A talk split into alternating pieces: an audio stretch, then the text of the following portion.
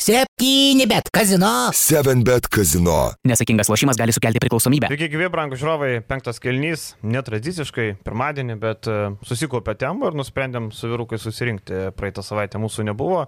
Dabar mes esam čia, turim visą e, šūsnį temų ir pakalbėsim. Šiaip e, turim padėkoti Madrido Realui, kad mes čia šiandien susirinkom, nes jeigu nebūtų Realas laimėjęs, mūsų čia šiandien nebūtų, gal trečiadienį būtume susirinkę. Bet e, Hala Madrid, kaip sakant, Madridas e, įrodė, kad geresnė komanda. Ir e, aš netgi sakyčiau, kad pagal logiką 3-0 galėjo būti. Iš esmės, du mačai labai užtikrinti, trys mačai laimėti užtikrinti, o tas pralaimėjimas toks buvo pam ant pam. Ir man ten irgi šiek tiek teisėjų sprendimai nelabai patiko pabaigoje, tokios mistinės prašangos. Bet okei, okay, Realas laimėjo, Pablo Laso triumfuoja ir galėjo vakar nealkoholinio viskio atsigerti turbūt. Tai prisiminkim, kas buvo tose trečiose rungtynėse, kai, antrose rungtynėse, kai mhm. Barça padarė 1-1 tos pražangos buvo, pavyzdžiui, dvi, kur labai įskėlė daug apkalbų. Fabinas Kaseras susileido smūgį į galvą nuo Brenno Deiviso ir vėliau tas kertinis momentas, kai čiučiut pirštukais tik tai kabino vienu pirštu ten dievuliau Tavarėsas Higginsą. Ir ten ta pražanga, nu mes eterį pasakėm, kad buvo. Pagal įstatymo raidę jinai buvo, kiek jinai traktuojama tokia kaip pražanga, man sunku pasakyti, bet ten labai toks butaforinis dalykas. Uh, Šiaip teisybės dėliai dar norėčiau pasakyti, kad kažkiek realas ir iš sėkmės savo gyveno labai prastą mačą, prašiausią žaidė, ko gero, kiek visas rungtynės jų playoffų mačiau, prašiausią mačą playoffuose sužaidė realas būtent antros rungtynėse. Ir ką pasako apie komandą, kad su tokiais nuostoliais, su tokiu labai prastu maču, jie yra per vieną metimą nuo pergalės. Ir būtų arba nebūtų tos pražangos, arba kaseras neišmetė labai kažkokio tai super sudėtingo metimo paskutiniam sekundėm antrose rungtynėse Palablo Grano ir galiausiai, nu jau ten aišku, Fernandeso situacija, ten buvo visiška frustracija, per, pasimetė kamuolį ir panašiai, tai ten šansų jų nebebuvo, bet realiai Realas galėjo sutvarkyti visiškai logiškas pasakymas yra, kad 3-0 Nu ir čia yra akmuo barsai, nes uh, toks finalas buvo, kur jeigu turėjom iš viso ketverias rungtynės, tai trijose ar dviejose, dviejose iš jų intrigos absoliučiai jokios nebuvo. Ir šiaip Bars e, Realas buvo visiškai nepriklausomas nuo sėkmės, čia sakom, kad iš dalies uh, nesisekė jam tos rungtynės ir vis tiek išėjo į, iki atkaklios pabaigos, bet iš esmės jie visose mačiuose kontroliavo tos pačius dalykus. Aš pataisysiu tik tai, kad man atrodo, kad e, labai daug sėkmės buvo antros rungtynėse. Jam, pavyzdžiui, pasižiūrėkim, kiek savo metimų nesusimetė ypatingai pirmoji pusė į Barsą. Vėliau pamatėm tas situacijas, kur, nu, šiaip aš sutinku iš vienos pusės, kad tos situacijos iš niekur neatsiranda, bet tarkim, kur kamolys iš niekur į rankas nukrenta į buselį ir iš 12 savo taškų 6 jis pelno visiškai, nu, fantastiškais būdais kažkokiais. Tu neįsivaizduoji, kaip mirusioje atakoje gali dar ten gimti taškai, bet kažkaip tas kamuolys nutraukda arba tai Brinėsas skrisdamas nu, numeta kamuolį tiesiai į buselį, arba jis pats kažkaip tai įsigraibo ten vos ne vos. Nu, tokiais kosminiais būdais kelis kartus pelnė taškus, plus skaičiuosim, jeigu Barsa nesumetė krūvos savo metimų, tai Barsa tada, realą tada šiek tiek lydėjo sėkmė, kad jie liko tose rungtynėse, nes Barsa buvo toks pojūtis, kad jinai yra šiek tiek geresnė komanda tose rungtynėse, bet Tai buvo viskas, čia išimtis iš taisyklės. Ja, bet kaip ir skur, net ir tame mače, kaip ir visose kitose, jie kontroliavo tos pačius dalykus. Lentą jie kontroliavo visose kitose rungtynėse, tie kamoliai atkovoti polime, okei, okay, ten nebuselės gal buvo pora, kur ale įkrito kamolys į rankas, bet mes visose kitose rungtynėse matėme tą patį, kad Realas dešimčia kamolių laimė, vakar irgi dešimčia kamolių daugiau nusėmė nei varžovai. Tai kai tu pasimi tokius dalykus, kai tu sustatai gynybą, kai a, tavo visas žaidimas yra pagal aišku planą ir veikia tie paprasti dalykai, tau nereikia išradinėti dviračio, a, tai tavo tas žaidimo amplitudė visose rungtynėse išlieka gana panašiai. Jei visus keturis a, mačius ėjo maždaug vieną liniją. Ok, ten tas vienas, vienas rungtynės buvo prastesnės, kurias pralaimėjo ir laikėsi tik šiek tiek dėl sukritų kritusių sudėtingų metimų, bet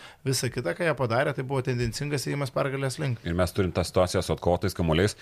Tai Barsos vidurio polėjų grandis buvo labai prasta ir tą reikia pabrėžti, kadangi... Daug kas buvo prasta. Daug kas buvo prasta, bet jeigu mes kalbam apie lentą, apie tos atkovotus kamuolius, apie norą, kai Dekas ima nuo galvos kamuolį Deivisui, kas yra, nu, neturėtų taip atsitikti teoriškai, ar ne?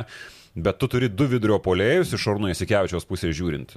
Sertašas Šanly žaidžia traumuotas, jis buvo, okei, okay, tipiškas šaras, duodi vaistų, eini žaisti, nes, kaip ir pats sakė, turėsit atsistatyti vėliau visą vasarą. Čia nėra pasitaupimų ir Sertačas Šanly žaidė su trauma. Ir kad jis žaidžia su trauma buvo akivaizdu matyti iš kosmoso. Lėtesnis per vieną žingsnį, jokios koordinacijos, sutrikęs, susirinka labai greitų nereikalingų pražangų, kūno padėtys. Nu, labai stipriai matėsi, kad jis yra traumuotas. Deivisas, visi žinom jo situaciją rinkoje, visi žinom, kad jo Barsoje nebus, tie pranešimai dabar yra akivaizdus. Ir negali sakyti, kad jam trūko noro. Jis buvo toks pat aktyvus, bet mentaliai jis jau nebuvo čia. Labai daug psichologinių klaidų gynyboje, labai daug kontakto nedavimo tavarėsų. Jeigu momentai Šmitas daug gerai tvarkėsi su Valteriu tavarėsu, tai labai daug ką pasako. Kūno padėtis vėlgi neteisingai užsieimamos, gynyboje pasimetama, sistemose pasimetama. Deiviso šitoje serijoje iš esmės, kad ir kok, kokie skaičiai tam tikrose rungtynėse, dabar tiksliai negaliu pasakyti, bet buvo neblogi, bet iš esmės labai daug lydo Deivisas. A, bet man čia gaunasi tas, kad... Galima man? Jo, sorry. Nu, ačiū. E, Man atrodo, realai paslaugą padarė tai, kad jie neturėjo gynėjų. Jie tada pradėjo žaisti didelę sudėtim, o Barsa nieko negalėjo padaryti prieš tos didelius fiziškus vyrus. Nebuvo gynėjo, be Jūlo, pažiūrėkit, Koseras, na, okay, jisai kaip ir toks antras, trečias ar ne, irgi nėra gynėjas, e, nėra žaidėjas, bei žaidėjas sugebėjo laimėti prieš, prieš Barsą. Ir aš, tarkim, Šaro nesupratau kai kurių sprendimų. Kokio velnio tu registruoji egzumą išimdamas Heisą? Tau reikia ūgio, tau reikia fiziškumo, tau reikia padėti po krepšiais. Tu išimi egzumą, kuris mačia prieš tai nulį davė naudos, nu vakar pataikė tuos tritaškus, kurie jam atidavė. Bet iš esmės nesuprantu, kodėl Heisas buvo išimtas. Tavo problema yra atšokusi, atšokę kamuoliai. Heisas yra geresnis toj situacijai negu egzumas. Čia yra dvi situacijos, nes tu rinkėsi polimą arba gynybą. Ir šitoje situacijoje visą laiką playoffuose rinko, nes iki tol buvo tik dviejas rungtynės, man atrodo, krintamosios žaidėjas Eksumas. Ir visą laiką Šaras rinkosi ypatingai serijoje su Badalona. Vėlgi, ta pati situacija, tu turi stabdyti Rybo ir uh, Tomičiaus pick and rollus. Tu imi uh, Nigelą Heisą, nes svorio centras, jis gali atstovėti šiek tiek stumint toliau nuo krepšio ant Tomičių ir viskas tuo yra gerai. Iš to serijoje pamatė, kad Heisas neveikė. Abiejose rungtynėse jis buvo minusinis, nebuvo nei tos gynybos, nei polimo, tu negauni akivaizdžiai. Bet tu nei vieno trečio neturi. Tu vakar su Kūričiu, vakar per Kūričių mušė, mušė, mušė, mušė, mušė. Kūričius vakar buvo skilė. Ir vėliau per tą patį darė per Reksmą. Taip. Nes, uh, tas pats derinys ėjo iš kairio krašto įmetant kamuolį Gabrieliui Dekui, pritraukiant prie savęs gynybą ir nusimetant kamuolį Tavarėsų. Ir tų 2 plus 1 situacijų, sakau, nežinau, skaičiavo metrį, gal 10 buvo iš, iš, iš uh, visos realo komandos. Taip.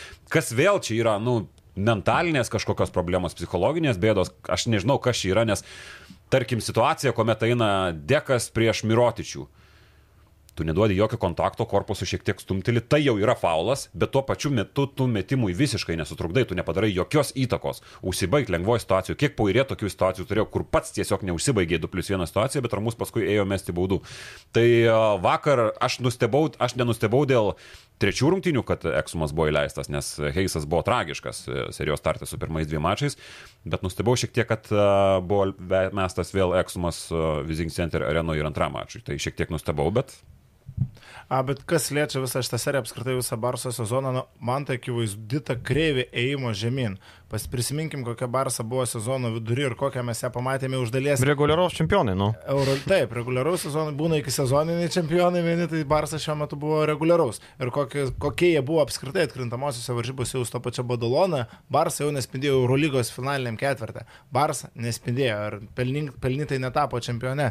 Tai čia kažkur buvo padarytos klaidos ar su žaidėjų perspaudimu, ar su fiziniu pasirengimu, ar su psichologija, bet faktas, kad Barsa netėjo toli gražu optimali į e, atkrintamasias varžybas ir a, dar vienas momentas - birželio galas. Nu, man tie biški sezonai atrodo užtemti kai kuriuose lygose. Aš nežinau, aš dėliočiau taip, vis tiek kažkaip ieškočiau, kad birželio pradžioje, na, LKL Bet fanam gerai, mums gerai. optimalus e, scenarius gaunasi, na, mano akimis.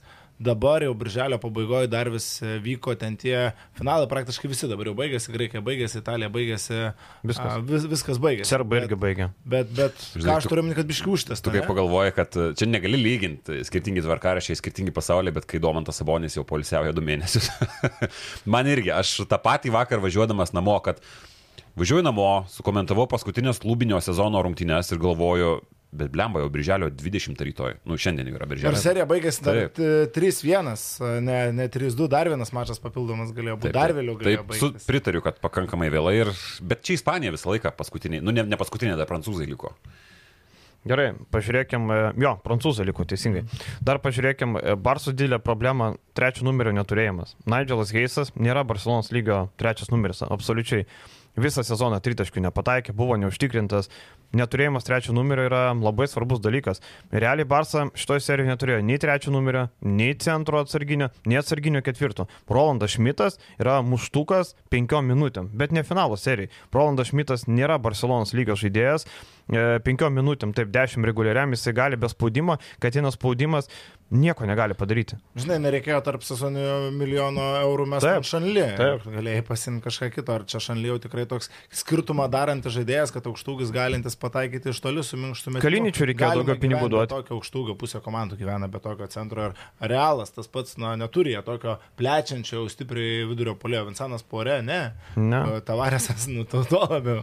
Kaliničius jo buvo rinkoje, buvo pasiūlymas jam, bet tas pasiūlymas buvo, pe, nu, kaip Per mažai pinigų, per mažai 600 pinigų davė. pagal, pagal, pagal pranešimus, bet uh, nu, idėja buvo ta, kad uh, tu nebeturi plečiančio žaidėjo vidurio polio pozicijoje, Šaras šiaip mėgsta tokius turėti ir tu įmisi tą žašanlį, bet jau mes tada šypsojomės, kad tas uh, toks uh, ėjimas... Tautvydas sakė, kad bus pravalas, jis, jis maladėt, jis atspėjo. Kreivokas tas sprendimas jo, bet...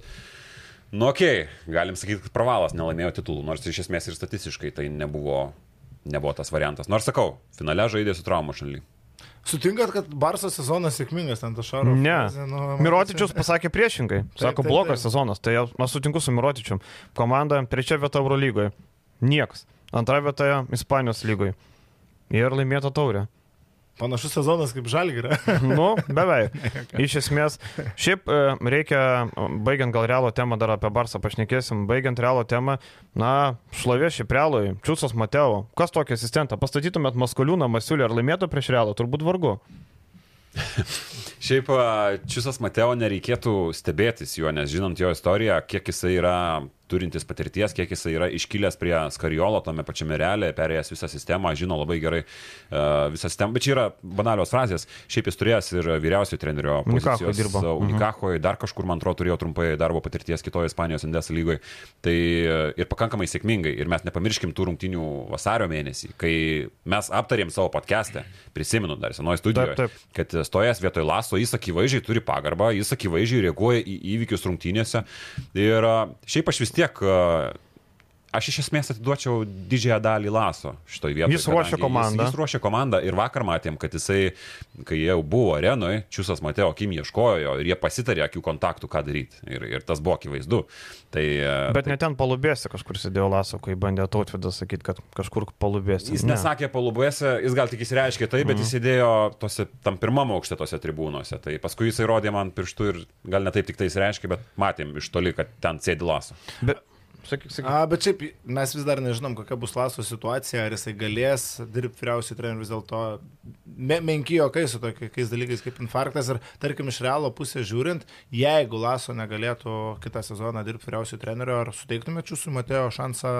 Ta patį Dirbti vakar komandą. pagalvojau ir manau, kad e, nusipelnė. Tikrai Taip. taip. Nes akivaizdu sakau, kad e, nu, jisai yra vienas iš tos organizacijos e, svarbių žmonių štabe. Aš norėjau sakyti, kad kerti, vienas kertinių, bet tikrai aišku, ne, asistentas šį yra.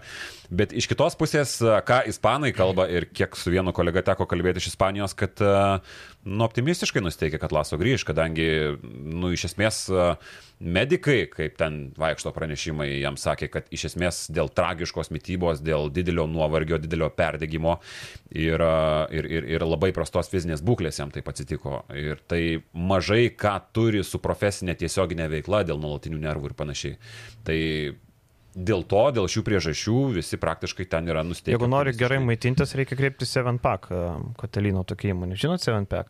Atveža maisto, viskas sudėliota pagal kalorijas, Ten pagal mytybą. Jo, jo. Nežinojau, aš žinau tą įmonę, bet nežinojau, kad ten. Katalino. Tai gal mūsų rems dabar dar neremia, bet e, gal rems. Dabar rems. Be, bent jau produkcija. Jo, bent jau, jo, galėtų mūsų maitinti. Nes mes jau 7-1 turim, tai dabar ir, Jo, ir, ir jo, reikia. čia geras pastebėjimas. O šiaip, e, vyrai, viena yra ruošti komandą treniruotėse, kita reaguoti rungtynėse. Pavyzdžiui, Mateo man patinka, kaip reaguoja, kokie tai mautų ir kas po tai mautų vyksta. Šiaip čia labai didelis darbas, ką jisai padarė. Ir aš galvoju, kad pats žaidimas realu buvo labai paprastas. Nieko nebuvo sudėtingo, viskas buvo labai aišku, ką mušom, ką darom ir Mateo tikrai labai gerai suvadovavo. Bet supra, pastebėjot, kad Mateo išlaiko laso visiškai, nu jis mhm. yra visiškas laso produktas, nes tai matai irgi eina ne iš karto būna įvykius, būna palaukia labai stipriai dar, atrodo. Kartais gali sakyti, kad perlaukia, jeigu įvykiai nesiklosto, bet nes, neskuba gesintis situacijų su tai mautais, kaip ir daro laso iš esmės. Gerai, apie Šarą. E, turiu kontraktą kitam sezonui. Manau, kad vieningai sutiksim, kad test darbus, jeigu yra, tarkim, Barsa nusipirko Veselį, Oskarą Da Silva ir Tomašą Saturanskį. Tai manau, be Šaro tie pirkiniai nebūtų daromi, ne? Aš manau, Tarkim, Desilva, pavyzdžiui, nu gerai, Veselį norėtų bet kuris treneris, bet Desilva yra grinai Šaro pirkinys. Supranti, gali daryti, ką nori, bet tarkim, jeigu būtų Šaras gavęs į kasą visus uh, tris mačus 30 taškų plus, nu aš nemanau, kad jis būtų likęs, jis galėjo pirkti, ką nori, žinai. Dabar, kas yra situacija, mes matėm Žuano Laportos visus tos pareiškimus, kad čia yra tragedija ir panašiai. Tai aš irgi nesutinku, kad sezonas buvo sėkmingas, jis nebuvo sėkmingas, Taip. čia yra Barsa, kaip buvau pas vieną kirpėją Vilniaus gatvėje ir jis yra Fenerbakčia turkas ir pastovi galvą išbeldžia dėl Fenerbakčia reikalų. Sako, žmogaus šaras, jeigu dirbtų Turkijoje, jis jau ten nedirbtų, sako. Niekas ilgai ten nelaukia dalykų. Tai sako, žinok, Barsa irgi yra elitinis klubas. Net ir laimėjęs netinki darbo. Jo, tai Tai akivaizdu, kad aš manau, kad netenkina, bet manau, kad turėtų būti pasitikima proceso, aš kaip ir sakiau. Čia mes lietuviai tikim procesu, šaltom mm. galvom, aš tai tikiu, man būtų įdomu pabendrauti, tarkim, su eiliniais, tai ba Barcelonos gerbėjus, tai standartinis, kurie tiesiog eina į rungtynės, perka bilietus, kaip jie vertina šitą sezoną. Vakar komentaruose labai daug purvo buvo. Mm, tai va būtent, aš tikrai įsivaizduoju, kad, nu, tu turi komandą, kuri yra surinkta laimėti. Tu gali sakyti, čia trūkumas, mes čia Kalbam, kad Šmitas yra tokio lygio žaidėjas, ar čia su Heisu buvo prašauta, bet iš esmės tokio biudžeto, tokio lygio komanda jinai turi nešti titulus, ji turi laimėti, turi brangiausią Europoje žaidėją, tu turi tris vos negeriausių savo pozicijų žaidėjus Europoje. Imkim, Mirotičius yra geriausias ketvirtas numeris Europoje, Kalatis, tarkim, vienas geriausių iš žaidėjų. Top 5. Corey Higginsą, tarkim, kuris yra vienas geriausių SG. Aišku, koks jis buvo iš to finalo. Ir Deivisas vienas geriausių centrų. Deivisas vienas geriausių centrų. Dar turi tokius metikus kaip Kailas Kuričius, pridėkim dar keletą žaidėjų rolinių ir tai yra Dante Egsumas pas tavę atvyksta sezono metu, kur ten visa Europa seilė varvino, kai jisai judėjo reguliariam sezone. Tai kažkokių pasteisinimų, kad čia yra Antra vieta gerai ir patekimas į finalą ketvirtą. Nu ne, Barsa į finalo ketvirtą Eurolygai praktiškai patektų su bet kuriuo treneriu ir į finalą Ispanijos nukeliautų praktiškai su bet kuriuo. O su Ramūnu Tvirka patektų? Manau, kad taip. Aš irgi galvoju. Bet e, mes kažkiek pamirštam ir žmonės, kurie kažkiek reaguoja gal į tuos įvykius, komentaruose dar kažką tai permeti kartais. Tai pamiršta, kad Realas irgi yra beprotiškai turtinga komanda. Realas turi irgi labai gerus žaidėjus. Bet pažiūrėk, Taip. su kuo jie laimėjo. Su zero žaidėjų. Zero iš žaidėjų laimėjo. Jo, šitas dalykas, ką mes irgi vakar akcentavom, kai kamuolį įmasi žaidinėt Gabidekas, Adamas Hanga ir Fabinas Kaseras, tai akivaizdu, kad... Pavadinkim yra... ne žaidimo persiaurimo. Tiesiog nu, įžaidžiantis kamuolį, ko gero tai. Point forwardai. Jo, e, bet vėl aš prieisiu prie to, nu Barsas irgi turėjo problemų, šiek tiek. Daug mažiau, čia net nėra ką lyginti, net nėra ką diskutuoti, bet Barsas irgi turėjo problemų. Barsai lakmuso papirėlis yra realas. Apsižaisti visas kitas komandas Ispanijoje, nu tu tiesiog privalai ir tada tavo sezono vertinimas yra arba tu laimėjai prieš savo lygio komandą realą, arba tu nelaimėjai. Visa kita yra švedžiojimai. Lygiai tas pats Eurolyga. Yra keturios, penkios komandos, kurios gali matuotis viskuo, kuo tik gali ir turi tam finaliniam ketvirtį. Jeigu nepatenka, tai yra tragedija, o geriausias laimi iš tų keturių, penkių komandų. Prieš kiekvieną sezoną galima įvardinti tos klubus, kurie bus arba turėtų būti tarp keturių stipriausių. Tai Barsa yra iš viena iš jų. Man atrodo, kad lakmuso popierėlis visiškas yra Eurolygos finalo ketvirto patekimas. Vėliau viskas vyksta tik iš vienų rungtynių ir tu negali žinot, kaip ten bus. Man atrodo. Tai yra normalu. Serija Viskas. Hands down, Šaras pralaimėjo, Čiusas ir Pablo buvo visiškai geresni visą galvą. Sudėtį turėjo geresnę visą galvą. Ta sudėtis norėjo laimėti daug labiau nei Šaro sudėtis. Čia galima problemų ieškoti ir ieškoti. Bet uh, aš Eurolygos simčiau tiesiog atspirti, kad jie pateko į finalo ketvirtą. Ir viskas.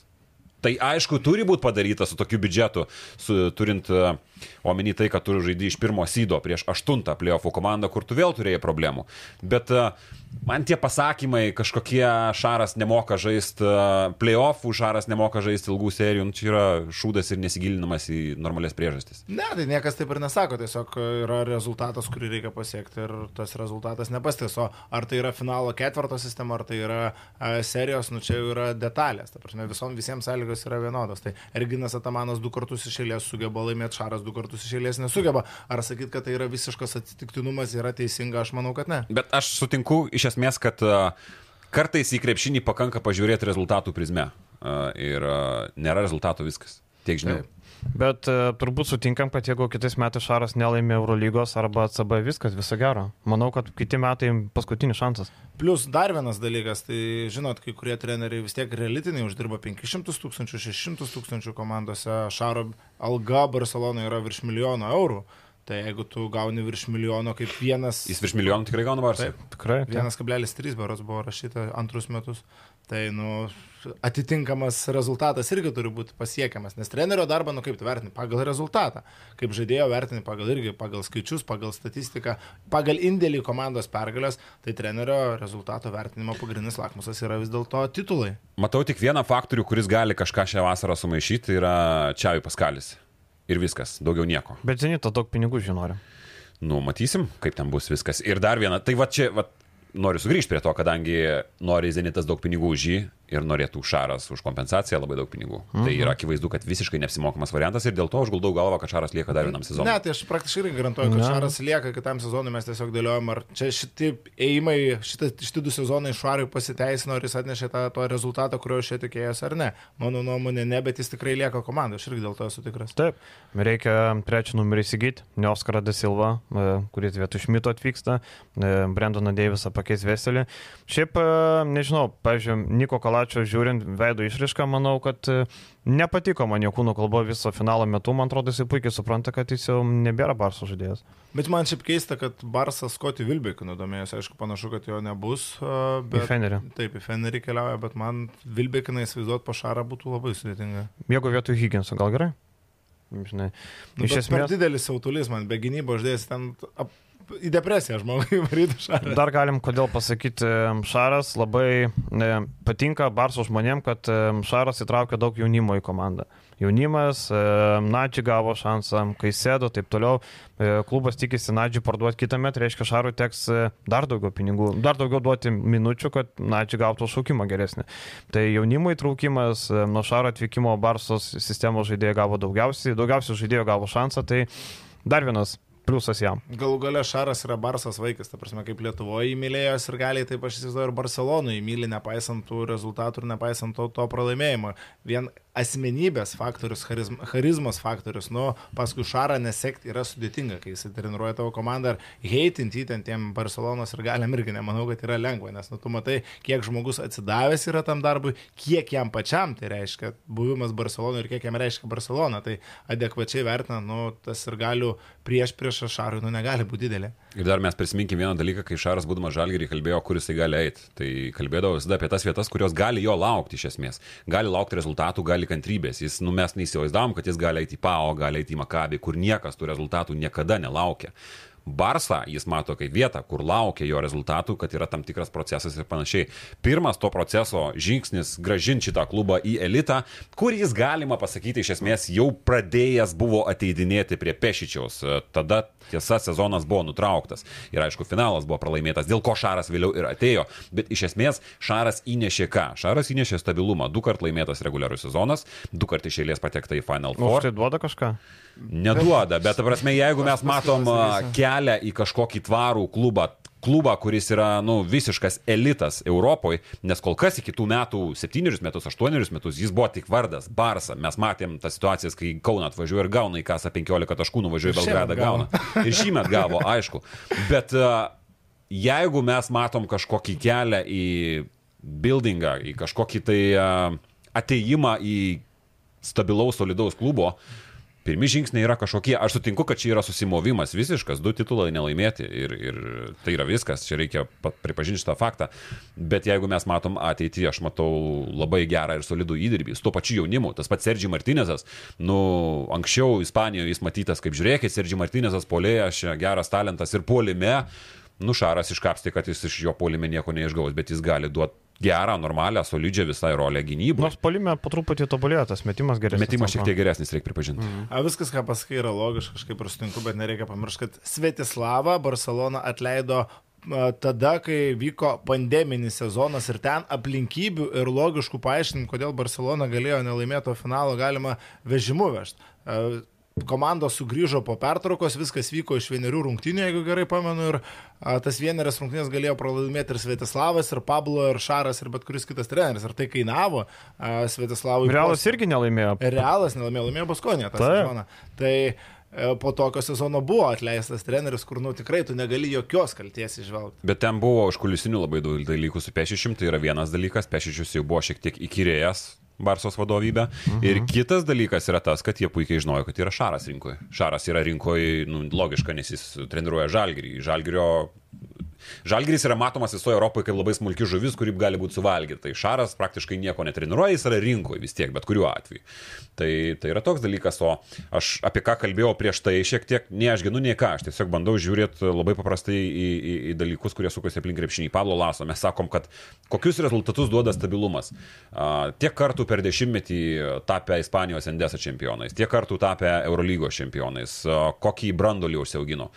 Pablo Laso, visą tai jungia Pablo Laso, nes buvo didelių susimovimų, buvo, kaip ir sakom, tas covidinis sezonas, buvo ir anksčiau sezonai, kuomet į Eurolygos playoffus galbūt nepatekta, bet išliko savo postą ir matom to rezultatus.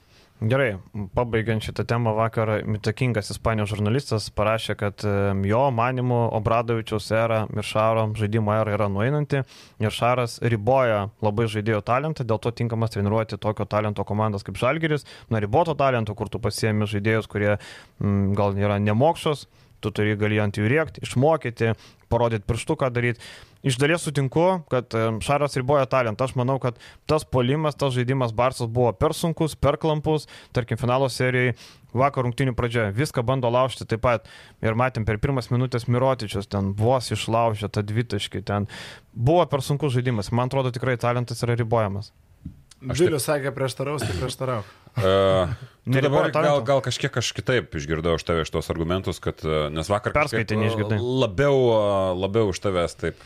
Na, sutinku, kad riboja žaidėjus. Aš nemanau, kad Šaras negali laimėti Eurolygos. Aš iš manau, tavęs vakar gali. supratau, kad tu argumentuosi į tą nuomonę, kad Šaro stilius yra nueinantis. Ir Šaras nieko negali pasiekti Europos. Gali pasiekti. Okay. Tai aš manau, kad labai stipriai Šarą paskutiniu metu ribojo jo turimi žaidėjai. E, Nikas Kalatis yra pasirašytas ne jo, Nikas Kalatis jau yra rastas Barcelonai, kuomet jis jau atvyko su didžiuliu kontraktu ir mes pamatėm iš tose serijose, kaip yra sunku, kai komanda pretenduojanti į titulus neturi metančio į žaidėjo. Metančio, net ne kartais pataikančio, o metančio. Kad jis vakar pataikė du tritaškius, čia yra išimtis iš taisyklės. E, Mes matėm, koks yra baisus antras komandos e, žaidėjas, kurie, sakykime, kaip norim, Laprovitula. Šitoje serijoje buvo tiesiog tragiškas ir koks jis buvo tragiškas trečiose finalo serijos rungtynėse, aš jo tokio neprisimenu. Tai buvo absurdas, ką mes matėm. Keturios šėlės laidos dar ir tai buvo perlaikyta, Šešaras suvėlavo su to keitimu. Tai man atrodo daug kas prasideda nuo to, bet aišku, žaidimo stilius yra toks, koks jis yra ir, ir, ir mes pamatėm tokį žaidimo stilių uh, žalgerį ir mes praktiškai pamatėm tik, su- tik su kitais inst- instrumentais, tuos pačius uh, žaidimo elementus, tas pačias uh, high-low situacijas su Miro ir panašiai jau Barcelonai. Tai čia diskusijų klausimas. Man kelia klausimų uh, komandos kaip be būtų banalu sakyti, bet psichologiniai visi dalykai. Negali Gabi Dekas nuo tavęs imti kamolius nuo galvos. Ir kai tu pastatai Brenną Deivisą, nu negali taip atsitikti tiesiog. Geršonas jau buselė, kad ir koks atletiškas monstras tai yra, bet tu turi atsitvert, paprasčiausiai bent rodyti pastangas atsitvert. Tu negali numirusią kūno kalbą žaisti finalų, tiesiog negali. Dėl šito aš sutinku, kad žaidėjus gali užknist. Bet čia jau reikia įlysti komandos vidurį, bet kokį, vidurius ir bet kokios mūsų spekulacijos čia yra tiesiog nublevysgojimas. Bet uh, logiška, kad galim taip galvoti su visu tuo muštru, su visu tuo, uh, su visais tais griežtais rėmais, kad žaidėjus galėjo užknisti ir jie tiesiog norėjo atostogų, užknisti vienas kitas ir panašiai. Nes matėm, kad psichologiškai realas yra nu šviesmečiais geresnis. Ir čia buvo labai svarbu šitoje serijoje, nes mes matėm, gerai, aš kalbėjau apie žaidėjus, kur yra Kalatis, Lapro, Jakubaitis ir panašiai. Bet iš kitos pusės aš prieštarausiu pats savo, realas jų neturėjau iš vis. Taip. Tai Bet kalbėjau dabar, kad reikia atnaujinti gynėjų grandį Barcelonai, kad reikia, neturėjo aukščiausio lygio žaidėjo, tarkim, bet aš nelabai sugalvoju iš žaidėjų ar apskritai gynėjų aukščiausio lygio, kurie labai norėtų ir kurie labai verštųsi žaisti pas Jasikevičių. Ar Šeinas Larkinas svajotų žaisti Jasikevičiaus komandoje, ar Maikas Džeimsas norėtų žaisti Jasikevičiaus komandoje, ar tas pats Koti Vilbekinas būtų norėjęs. Čia geras pointas. Tai jeigu tu negali jų prisikviesti, tai jų ir neturėsi. Kalatis yra darbininkas, kad ir kaip bežiūrėsi, jis yra kūrintis darbininkas. Ir Ir- aš įsivaizduoju, kad jis šaro sistemai iš dalies tinka, nors ir ne jo, tarkim, atsivestas, bet tie siautuliai, kurie dabar dominuoja Eurolygoje, kurie dominuoja Europos krepšinėje, nu jie netiks šarai. Taip, Arba taip. jiems netiks šaro sistema. Pavyzdžiui, esu tikras, kad e, jeigu būtų Šaro valia, nes Pangosas išvyko tais metais, kai e, Šaras atėjo, jis būtų pakeitęs drąsiai iš O tai ko nenupirko Pangos uh, dabar? Kodėl Milanas nupirko, Pangosas jo gal yra nenupirko? viena iš tų išimčių, kur aš gal dar ir įsivaizduočiau, bet tai yra vienas, tarkim, dar gal, galima kažką surasti, bet didžioji dauguma tai netiktų. Ir dabar atvyksta Satoranskis, kuris taip pat nėra geras metikas iš toli. Sakykit, ką norit, mes su Olgiu turėjom e, irgi ginčą apie tai, netgi turim lažybas dėl jo under-over tritaškų pataikymo. Pažiūrėsim, sezonas parodys, bet tai irgi nėra geras metikas. Bet e, žiūrėk, e, kalbant apie Satoranskį, Nikas Kalatis, kai metai krepšį jau geriau jisai spirtų. Didesnė tikimybė būtų, kad jisai pataikytų ir kamuolys įkristų. E, Kalatis, nu, nėra tiek Bet apgailėtas. koks skirtumas, jeigu rizikuosi ir nuo to ir nuo to? Jeigu Negali taip, stovės... ne, nuo vieno žaidėjo gali į gilesnės pagalbas eiti, o kitas ne. Nu, bet jeigu prūktų Randrėjais, tai arba jis, arba ne. Bet man įdomu, kaip Satoranskis mes tritaškius Europoje. Tarkim, rinktinė jisai gerai metų tritaškius. NBA procentas tragiškas. Pažiūrės. Na ir, ir dar tas vienas momentas, mes ir prieš tą seriją tas frazes, kurias jau žalgyro laikais žinojom mintinai, girdėjom N kartų kančia, kentėti, numirti aikštelį. Kodėl milijonierius žaidžiantis krepšinį nori mir, turi norėti mirti aikštelį? Jis nori turėti laimėti. Nes džiugint žiūrovus ir gražiai žais krepšinį. Ir va, va taip prabėgti, kaip Anadolo Efas Atamano vadovaujama. Arba padaryti va taip, Ar- kaip Kose ar- padarė. ar- Lemba, ar Realas- patiko šitą. Ar realas mirė aikštėje? Nu ne, jie žaidė taip Ne. kietą fizinį krepšinį, bet nu, tai nebuvo kažkoks kančio žaidimas. Man tas kentėjimas, nu, atsiboda šiek tiek. Taip, taip. Kentėjimas, tai man atrodo, aš, nu, aš prieimu, nu, mirtą aikštelį, nu, aš įsivaizduoju tiesiog, kad atsidavimą, kokį rodo Nu, taip, taip, realas, jis- nu, aš manau, kad realas mirė aikštelį, aš, aš tai prieimu visą informaciją, man taip atrodo. Man tai žaidė krepšinį. Bet koseras, blemba, fu, fantastika, kaip man patinka tokie dalykai. Aš maniau, kad jis jau mušto kortą, jau viskas, bet e, čia parodė vakar jo. Tai mušta tiesioginė prasme. Nu taip, taip. Ir dar gavo į kitą akį antros, trečios rungtynėse. Ja. Iš esmės mušto kortą galvojau Asvelis, Monakas. Gal taip ir bus, gal viena serija nepakeis realo sprendimo, nes buvo, kaip ir kalbama, kad jo nebeliks. Pažiūrėsim. Gerai, užteks apie Barsą Šarą. Einam toliau. Žemelis. Čia daug linksmesnė tema. Žemelis, žemelio projektas. Realiai tai skamba kaip toks, nežinau, anegdotas, kiksmažodis, e, tokia galima memus kurti ar ne apie visus tos dalykus, kas vyksta. Arena turėjo būti padidinta iki ten 16,5 tūkstančių. Turim 12 maksimum, ne? Toliau, Lietuvos ryto, BC Lietuvos ryto klubo registravimas pavadinimo. E, epinis investuotojams siūstas e, prezentacinis šou su Baltarusijos rinka. Nežinau, vyra, kas galvojate. Man labai asociacijas iškart su, tarkim, Lietuvos futbolo federacija šito klubo. Viskas įviniojama iš komunikacinės pusės. Iš Ivanauskas dar treniruos. Iš, iš gra, bandoma pateikti gražiai, bet vos tik kažką pakapstai daugiau atsiveria va tokie va dalykai, kaip ir sakytai, jo, trūksta valdo Ivanausko, vyriausiai trenerių dabar paskelbimo. Tu čia man ką, golai įmušė, čia jau kitas. Žinot, kas yra esminė problema? Gaunam pranešimus uh, iš kelių skirtingų moterų, dirbo komunikacijos matyti skyriui, ten Vyrų? Avia Solutions Group, kas buvo vyras? Vyras buvo iš SG, neatsimenu dabar, bet vyras siuntė. Aš esu gavęs pranešimus iš skirtingų moterų. A, nu ok. Tai gal tave moteris myli, dėl to tau siunčia atgarai vyrai. Na. Tai gerai vyras, bet kas tas vyras buvo? Ar jis buvo iš krepšinio pasaulio? Čia einam prie... SG arenui dirbo komunikacijai. Nu, taip jau jasna. Tai mano pointas yra tas. Uh. Pras, prasideda nuo čia tiesiog tie dalykai. Tai uh, kas ten yra dirbantys su krepšiniu, turintys patirties su krepšiniu? Kas? Nieks. Niekas. Kaukienas, jis ką tik atėjo. Koks skirtumas? Jis naujoko, žalis. Viskas. Tai ko mes norim iš tos situacijos? Ten yra naujokų krūva. Ir viskas. Neturintys nieko bendro su krepšiniu. Uh, matėm tuos tris vadovus. Jie yra geri bičiai, versle, marketinge, dar kažkur. Aš tikiu, kad jie yra profai. Bet krepšinis kur? Kas yra suprantantis procesus dalykai, žmonės ir panašiai. Paprastas pavyzdys, Gudelis, jisai dirba daug laiko su krepšiniu ar ne, bet plėtkų lizdas aplink rytą kiek ėjo, tiek ėjo. Zavas atėjo, suprato, kad, nu, kenkia dalykai iš tiek klubui. Zavas krepšinio dalykus supranta, Zavas tos dalykus užžišo. Čia vėlgi, čia visai kita situacija, aišku, bet konstruojant klubą, tu turėti, turi turėti aplink save žmonių, kurie supranta krepšinį. Rimantas Kaukienas supranta krepšinį, bet vėl pasikartos, Rimantas Kaukienas yra naujas žmogus, jisai yra žalias žmogus, jis a, neturėjęs patirties, e, jau nekalbu apie klubo konstravimo, jis neturėjęs patirties a, vadyboje senam klube, bet kokiam klube. Bet į politiką bandė eiti vis tiek, nu tai gal susiję. Čia daugas pamiršė šitą faktą, kad Rimantas Kukienas buvo kandidatas į Lietuvos Respublikos Seimo narius su Vladimiro Romanovo partija. Tai Ir broliai buvo kartu. ir broliai. Jo, buvo, bet ten taip. prisimenam tą situaciją, kaip Taip, jie. taip. Jo, kaip- nu ten zin. jie toks. Nesvarbu. Man atrodo, Hebra, kad e, reikėjo Žemelio klubui pradėti eiti nuo NKL į LKL. -ą. Ir kodėl? Per tuos metus dirbdami NKL -ė būtų susidirbę, pamatę procesus, e, kitus dalykus. Tiesiog išmoktų dirbti krepšinėje, man tai atrodo. Nesvarbu, kad NKL, -as, bet tarpusavį susidirbtų, pamatytų, kaip veikia tie dalykai. Komunikacija įsigrinintų viską. Man atrodo, tai būtų buvo geras sprendimas. Visiškai iš dalies sutinku, Jonava irgi galėjo, manau, kažkokiu būdu anksčiau prasimušti tą LKL, bet ne, ėjo per NKL, turėdami komandą jau tuo metu, kuri buvo visa galva aukštesnė negu likę NKL klubai. Susirinko pusę žaidėjų iš LKL, Šeškus prisijungė sezoną, jeigu jie ten trypė realiai visas NKL komandas, aišku, čia yra iš vis kitas ligmuo žemelio komanda. Ir dar vienas momentas, aš jau dabar įsivaizduoju, a, kad šitas klubas kariaus su žiniasklaida. Visa ta povyza, visas tas išstojimas vien po Delfio straipsnio, nu, mane man parodė, kad na, nežinoma, kaip prieiti prie žiniasklaidos iš tos pusės. Jeigu tu pats sakai, kad bus 16 tūkstančių vietų arenoje, paskui yra 12 tūkstančių ir dėl to tau lieka kalta žiniasklaidos grupė, kuris tavai malė nori susidoroti. Parašė, kad subliūško. tu nu, galėtumėjai, norėtum nupirkti tą Delfį per, ir tau tik tiesiog nereikia, tau neįdomu.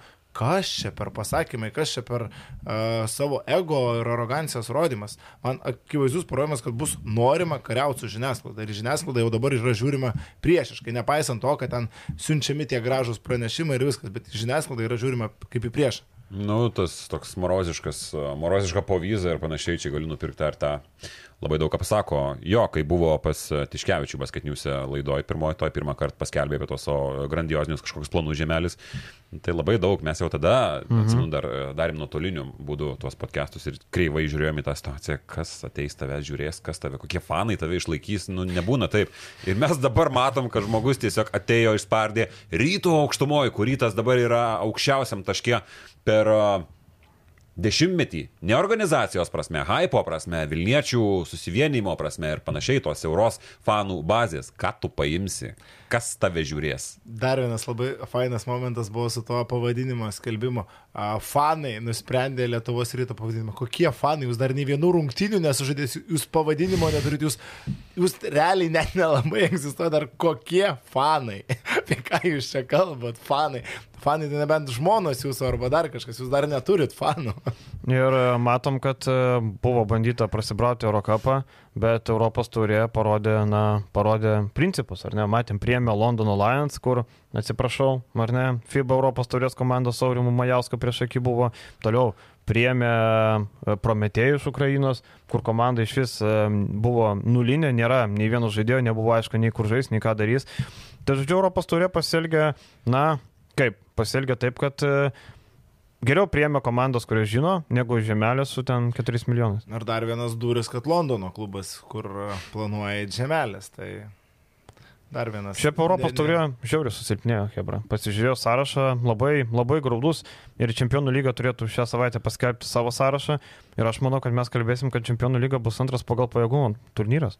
O kaip jums tas momentas apskritai, kad apie tai dar pakalbėsim, manau, apie mm. Čempionų lygą Europos turė, kad ilgalaikiai perspektyvoje Žemelio klubą planuojama vis dėlto iškelti iš Lietuvos ir, na, teoriškai tai būtų daugiau Londono klubas nei Vilnius. Nes, na, tai Čia, mes, oficiali- čia nenauja informacija buvo. Čia nėra nauja jo. informacija, taip, bet nu, jinai dabar buvo paviešinta, sakykim taip.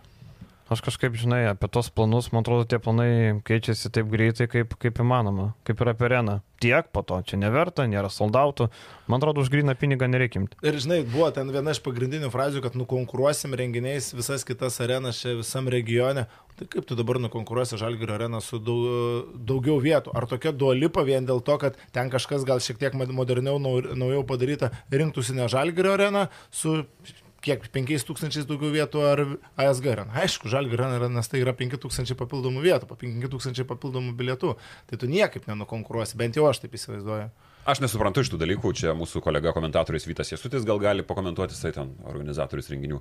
Bet, uh, nu tai grįžtant prie to Londono, man, nepasakysiu nieko naujo, man labai kreivai atrodo, kai tu iš pradžių deklaruoji apie tai, kad tave palaikys Vilniečių fanų bazė, Makabio stilium, pusiau dalinai iš kažkiek išlaikys klubą.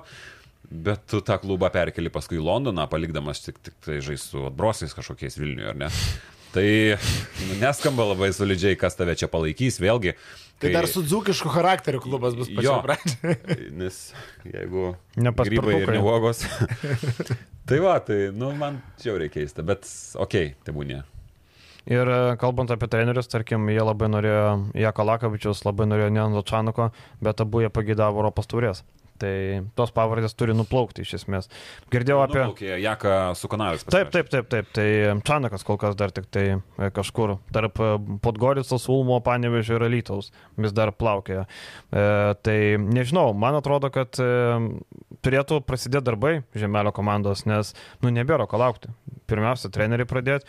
Mes čia šiandien apie trenerius daug kalbėsim, gal taip ir perinam gražiai, ar ne, prie trenerių, kad e, rašiau straipsnį kaip ir penktadienį, kad, na, unikali situacija, LKL keturios komandos gali susipešti dėl dviejų trenerių, dėl Kurtinaičio ir Kimzūros. E, gal pradžiai, ką jūs galvojate, ar čia mūsų lygis taip pakilo klubo, ar čia taip trenerių vertė nukrito? Turbūt antras, ne? Nu, Labai sudėtingas klausimas, bet matai, daug e, susideda iš to, kad ateina tas naujas klubas. Jisai sumaišo stipriai kortas, plus vienas uh, elitinių klubų rytas Lietuvos mastu jau turi uh, trenerį, Žalgiris turi ir tai yra tarsi a, nauji šitai rinkai ža- žaidėjai. Kazis kelis metus nebuvo Lietuvoje, Žibėnas iš vis atsiradęs realiai iš niekur, jie užpildo tas dvi pagrindinės pozicijas, kur realiai pretenduotų būtent tos pavarės, apie kurias tu kalbėjai. Tai tiems treneriams kažkur reikia nusėsti. Užsienyje jau galbūt nebėra tokie įdomus. Tai natūralu, kad už mažesnius pinigus šitie treneriai vis tiek nori dirbti toliau. Ir dar ateina Žemelio klubas, kuris apskritai visą šitą situaciją padaro dar įdomesnę. Ir dabar pasižiūrėkim dėl žaidėjų. Trenerius mes dabar matom plika akim, nes mes galim teoriškai modeliuoti, kur jie gali nusės, bet tarkim žaidėjai, kurių yra pakankamai nemažai.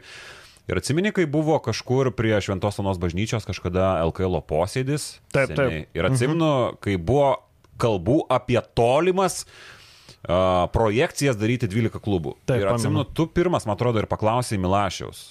Žiūrėkit, bet žaidėjų tai nepadaugės. -hmm. Tai čia bus lygiai ta pati situacija. Žaidėjų nepadaugės. Kažkas turės imti daugiau NKL. Aišku, NKL žaidėjams čia bus geriau, ko gero, jie turės šansą uh, kažkokį tokiuose kaip Garžduose, Prienuose, dar. Tai kažkur. Aurimas Urbanas jau nusėdo. Taip, taip, taip. Tai aš manau, kad jiem tai yra gera situacija, bet iš esmės konkurencija padaugė, e, padidės stipriai. Dėl pačių žaidėjų, mes čia apie trenerius dabar kalbam, bet ir apie žaidėjus reikia pakalbėti. Iš kitos pusės mūsų klubai pasidarė nebepajėgus, bent jau dauguma įpirktų lietuvių, kurie neblogai bent kažkiek atrodo užsienyje. Be šansų. Pasižiūrėkim, kiek vidutinėme lygyje mes šiuo metu turime gana gerai žaidžiančių lietuvių. Vokietijos, Prancūzijos lygos, mes rašom straipsnius, tai prisižymė ki- kiekvienos šalies lygą. Tų lietuvių Dovi- Dovis Bičkauskas Rumunijoje mes keturis, man atrodo, lietuvius turėjom, kurie iš esmės galėtų žaisti LKL, bet jie žaidžia uh, užsienyje, nes ten yra geresni pinigai. Ir ar atsiradę 12 komandų a, sugebės vis tiek pradėti konkuruoti dėl jų, aš manau, kad ne. Tai, Tai- tai aš, aš dar įsterpsiu, mm. pamiršau, pridėsiu, žiauriai gerai pakalbėjo Domarkas e, pas Gabrielę. Mm -hmm. Klausiau abi dalis, e, šiaip žiauriai kietai. Čiūvas, nu toks ramus, atrodo, kad Ir taip atvirai. dėsto, bet labai atvirai apie viską pakalbėjo, tai galiu a, pareklamuoti. Vėlgi, Prancūzijos antrojo lygoje sužaidė sezoną, kur pasakojo, kad sąlygos yra, nu, fantastinės. LKL daug kas gali pasimokyti. Man patiko ta idėja, kad nori su žaidėjų sąjunga padaryti, kad po išvykos rungtinių karštą patikalą Taip. turėtų gauti. Šiaip e, sunkiai įsivaizduoju LKL tą variantą. Žinau, kaip LKL po išvykų rungtinių būna kartais žaidėjai. Tai aš čia grįšiu su tėvu, aš čia grįšiu su žmona, aš čia grįšiu kažkur. Nu įdomu, kaip tai atrodys. Plus klubam daug kainuotų dabar įsivaizduok, e, tau reikia kažkur kavinė imti, visus pamaitinti ir taip toliau. Bet gal pavyks, būtų ėjimas link to mm, geresnio gerbuvio. Bet matai, dar vienas dalykas, e, jeigu dabar mes turim premijas, iš e, kurios atsirado po GAU3 ateimų už pergalės ir, nu, nėra tiek jau labai Po daug. kokios įmonės ateimo? E, GAU3. Na, gal trys. Gerai. Girdėjot? GAU3. tai va. Tai nėra, kad labai daug kainuotų. Aš nepasakyčiau, kad čia nu, tau pajamos kažkiek tai padidėja, ar ne? Ir, ir tai yra tokia smulkmena, kuri šiaip jau pagyvina. Gerai, aš puikiai atsimenu, kad tu nuvažiuoji kažkur į rungtynės uh, Alytui, žaidžia dzūkai su Neptūnu. Važiuoji namo, žiūri, Neptūno autobusas stovi prie degalinės. Prie McDonald's. Arba McDonald's, neprisimenu, bet prie degalinės, nu, greito maisto, žodžiu. Nu, tai, Tai iš Klaipados visi važiuojant sustoja Hesse ten, kur yra išvažiuoja. Jo, jo, jo. Tai va, nu tai daug ką irgi pasako. Tai jeigu būtų normalus šiltas maistas. Jeigu krepšininkų sąjunga apie tai kalba, reiškia to reikia. Bet klausyk, bet ar Hesburgerio maistas yra normalus karštas maistas, ar tai skaitosi įdomu? Manau, kad ne. Ne, tai jeigu vaidelis e, į Jonavos autobusą įsiraus su maišais, jas, o žinai, tai nieko gero irgi nebus, reikia Nu. normalaus maisto. Tai va. O apie žaidėjus kalbant, to pratęsiu tavo mintį. Nenoriu dabar sakyti, kuris krepšininkas gal ateityje dabar e, vienas krepšininkas sužaidė vidutinį sezoną ir e, vienas LKL klubas paklausė, kiek jisai kainuotų. Jisai sako 100 tūkstančių. LKL jisai žaidė už e, 35-40. Tai apie ką mes šnekam?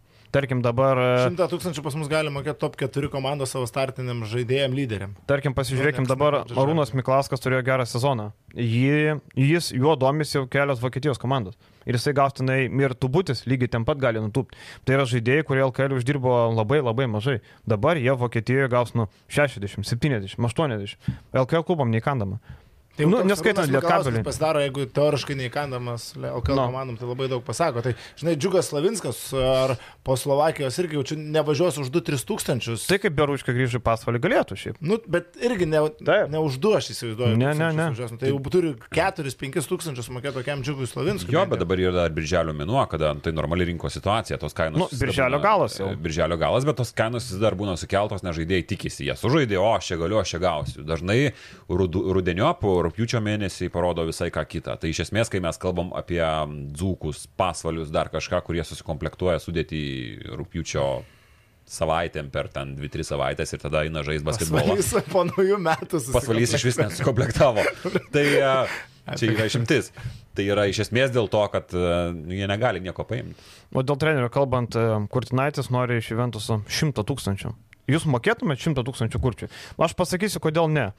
O ką tu išloši? Ką Juventus su Kurtinaičiu gali išlošti, ko neišloštų su Nedu, Šernium ar ten X treneriu? Ką? Ką, ką tu gali išlošti? Nematau tikslo Juventusui mokėti tiek treneriui. Aš irgi visiškai sutinku su tavim. Nu, jis nepadarys tos komandos. Tu geriau ger, geresniam žaidėjui investuok į žaidėjus. Šituo atveju aš visiškai sutinku su tavim. Treneriui tai ne, ko gero. Aš net nepasakyčiau, kad čia ir yra Kurtinaitis. Šiaip šimtas yra labai daug LKL mastas. Taip, faktas. Juventus komandai. Taip. Nepamirškim to. Ir kai biudžetas, kai čia kiek čia reikia? 800. Septintadalį, aštuntadalį biudžeto mm. realiai, tai yra pakankamai nemažai. Ir čia ar būtų Kurtinaitis, ar čia būtų kitas treneris. Aš manau, kad tokiai komandai tai nėra visiškai logiška. Bet, okei, okay, čia yra klubo vadovo interpretacijos klausimas. Šiaip kur jį sutikau renginį, apie kurį dar pakalbėsim, Mhm. tai geros nuotaikos žmogus malonus tikti. Šiaip apie Nedą girdėjau atsiliepimų, teko bendrauti, nes irgi nesvarbu, ten Mhm. su kryždėjais, bet šiaip geri atsiliepimai, blemba. A, ta prasme, sako, nu gal trūko jam dar šiek tiek a, tos patirties, kas ir yra natūralu. A, iš pradžių bandė labai griežtai imti Juventusą, nes, nu, Juventusė tokia komanda, kur reikėjo griežtumo, kur ten pusė žaidėjų nu, yra reikalaujantys. Su didelis ego. Su dėliais ego, labai gerai pastebėjai. E, paskui šiek tiek atsileido, bet kas liečia taktinius sprendimus, kas liečia skautingą, nu tai anot pačių eventų žaidėjų buvo padirbėta labai neblogai. Tai galbūt ir aš tam pačiam nedui suteikčiau šansą aukti. Na, apie Nedą, tai jeigu ne Juventusas, e, Marijampolės suduvo domisi, tarp kitko Nedo virtrenerio postui, nes Marius Kiltinavičius turėtų keliauti į atletą, bent jau taip kalbama, kad e, pradžioj ten su pinigais kol kas, na, bet įmanoma taip. Žodžiu, kelios NKL komandos tikrai nori Nedo virtrenerio postą. Tai Nedas, manau, asistentų nebedirbs Juventuse ir dar geriau. Jeigu NKL parodo, super, aš už tai, kad eitų į priekį. Žiūrint, koks treneris, pavyzdžiui, jeigu ten labai rimtas jų būtų treneris, tai gal net geriau būtų. Aš nežinau, ko jis nori, bet gal net dar geriau būtų pasistažuoti antroje pozicijoje, ypatingai Gal. prie geresnio. Kaip bebūtų, reikia sutikti geresnio trenerio nei Žydrūnas Urbonas. Tai tarkim prie kurčio, nu aš tikrai likčiau juvį. O šiaip e, žiūrint, e, kaip jūs galvojat, kurtis Kemzūra, kas kur nutūps, tarkim, Neptūnas, e, jau ant Kemzūros meta tinklus. Jau e, girdėjau, kad kalbasi ir labai ir kairių domėjosi, bet kairys e, labai nenori grįžti į Lietuvą. Aš galvoju, kurtis vis tiek nuės nusės pa žemelį. Mano toks variantas, jie mes pinigų, nu, ta prasme, jie, jiem, va, jiems reikia investuoti į trenerį asmenybę, į trenerį veidą, a, nes nu, jiems reikia komunikuoti. Iškart komunikacija į kitą lygį. Taip, taip, tu turi kurtinaitį, tu jau pasidarai daug. Kuris už tave pusę darbo padaro, Taip, net ir komunikacijos. tu galėsi nebekalbėti ir geriau kol kas nebekalbėkit. Ir Kurtinaitis tau bus tas gražus veidas ir dar gero lygio treneris, tai jie ir tą šimtą tūkstančių ir dar ir daugiau gali turbūt Kurtinaičius. Beje, rytoj Kurtinaičio pirma dalis pas Gabrielę. Bet pakalbino porą valandų, sakė, pašnekėjo, tai bus dvi dalis. Ai, tai... čia buvo atėjęs ar kur? Mm, Kaune filmavo. Kaune. Tai. Mhm. tai rytoj būtinai. E, ką tu vėliau apie trenerius? Ta pati galvoju, Kemzūra atrodo logiškiausia būtų Neptūnas. Kurtis į Vilnių? O tai, Įgalytų, atsiprašau. o Jėzau. tai ką kabelių daryti? Oi, kabelį. Mhm. Ką tada daryti? Realiai? Jie ne, nenandas, kurio COVID neima jau viskas, saut. Šansų nu tai- Turbūt nėra. Turbūt. Nu kodėl? Tarkim, Budučnas, jis nėra pagrindinis kandidatas. Pagrindinis kandidatas yra Jovanovičius, kuris e, dirbo Megalekse. Tai yra to paties Miško Rašnatovičiaus klientas. Tai, bet Ulmas labai realu. Ulmas labai realu. Ulmo reikia trenerio, tai yra vienintelis geras spotas likęs Vokietijoje, plus jie gavo Eurocapą. Nenandas laukia dėl Eurocapo, viskas. Yra Eurocapas, Nenandas šią savaitę turi priimti sprendimą, nes net kabelis lygiai taip pat sėdi laukia. Visi sėdi laukia. Realiai LKL visi laukia, ką kuris treneris padarys. Neptūnas laukia, kada Domaitis išvažiuos į Japoniją, bet kabelis laukia Čanoko, Žemelis laukia irgi kažko. Turnyrė, kur žais turbūt, irgi. Tai, bet šiaip tai Kemzūra, tarkim, jis labai nori Lietuvoje, dėl šeiminio aplinkybių, e, nori būtinai būti Lietuvoje. Tai manau, kad Kemzūra tikrai, vienoje iš tų komandų tikrai Kad nusės. jau užsiminėm apie Kemzūrą, tie bairiai spaudos konferencijoje žiauriai. Aš tai negirdėjau, kas ten buvo. Negir- ne- Nu, negir- matai, aš sėdėjau ten, mikrofono negirdėjau. Klausimai, kaip klausimai iš kolegės iš kito kanalo buvo pasiūsta. Nu, dažniausiai taip ir būna televizijose, tarkim, kai uh, sportas, aišku, negali važiuoti, nes dirba Vilniuje ar ne, tai pasiunčia kiekvienas, uh, kiekvienam mieste dažniausiai di- didesniam tu turi po kolegą ar pasiunti savo šiuo atveju Kauno kolegą, užduot klausimus. Kartais tu surašai, kartais paklausai iš tavęs, nu klausimai. Nu, klausimai kaip klausimai, galima gal. Nematau nieko blogo. Kažką buvo pagalvoti geriau, bet to pačiu irgi nematau kažko labai blogo. Gal tai, kad išpiškino visus iš eilės, gal ten tai užkliuvo, bet uh, klausinėjo tuo metu Kulbokos, Kulbokai irgi ten kažkaip šiaip tu kažkaip labai man ne, trūko pagarbos kitų žmonių atžvilgių. Galima apie tai garsiai pakalbėti.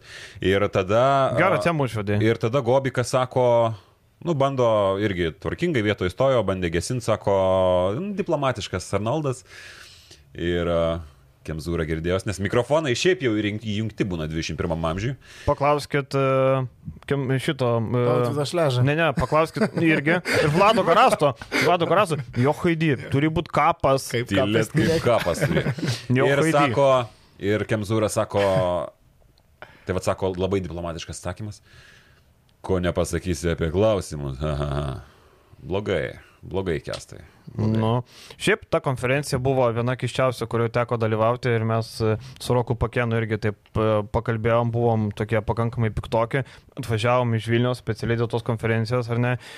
Na ir e, tas žaidėjų išrikiavimas visų, man atrodo šiek tiek keistokas. Nu, pirmą kartą Aš aš taip visada vyksta, ar ne? Nes Ne. tai buvo, aš esu dalyvavęs dviejose tokiuose rinktinės pristatymuose iš anksčiau. Tai aš supratau, kad Bet taip kaip būdavo vasarą, tarkim, pradeda pasirašymą palangoje, tu atvarai stadioną, pakalba treneris, o tada tu gaudai kokį nori žaidėją. Jie nėra priešti, vienas gali mankštintis, kitas gali ten žolę rauti, nežinau, šieną rauti, ką nori. Bet žiūrėk, buvo tokia, pati, Aha, okay. e, buvo tokia pati konferencija, kaip išikiau viešbutį, visi sėdėjo prie stalo ir tada visi atėjo ir Taip. būtent tada Gudas pasakė, kad jis nenori žaisti ryto, Taip. tada Gailius pasakė, kad jis nori autinti iš ryto. Taip. Aš atsimenu būtent tada. Taip, buvo- jų, buvo jo, tokia. tai Čia palangoje, aš. irgi- Palangoje. Jo, aš irgi iš ten buvau, kad žaidėjai vienas po kito, jo, aš tarkim, aš kai man pačiam tenka, tekdavo tiksliau organizuoti rankinį, tai irgi darai taip pat, kad a, ateina treneris, pastatai Aidiną Malašinską šalia jo, nes visiems įdomus, jie pakalba bendrai ir tada, kas ką nori, pasisako, tu jiems atvedi ir atskirai Taip. pasikalbina, nes nu, ten tikrai nereikia visų penkiolikos žaidėjų, ypač aišku, rankinio atžvilgių, tai tuo labiau, bet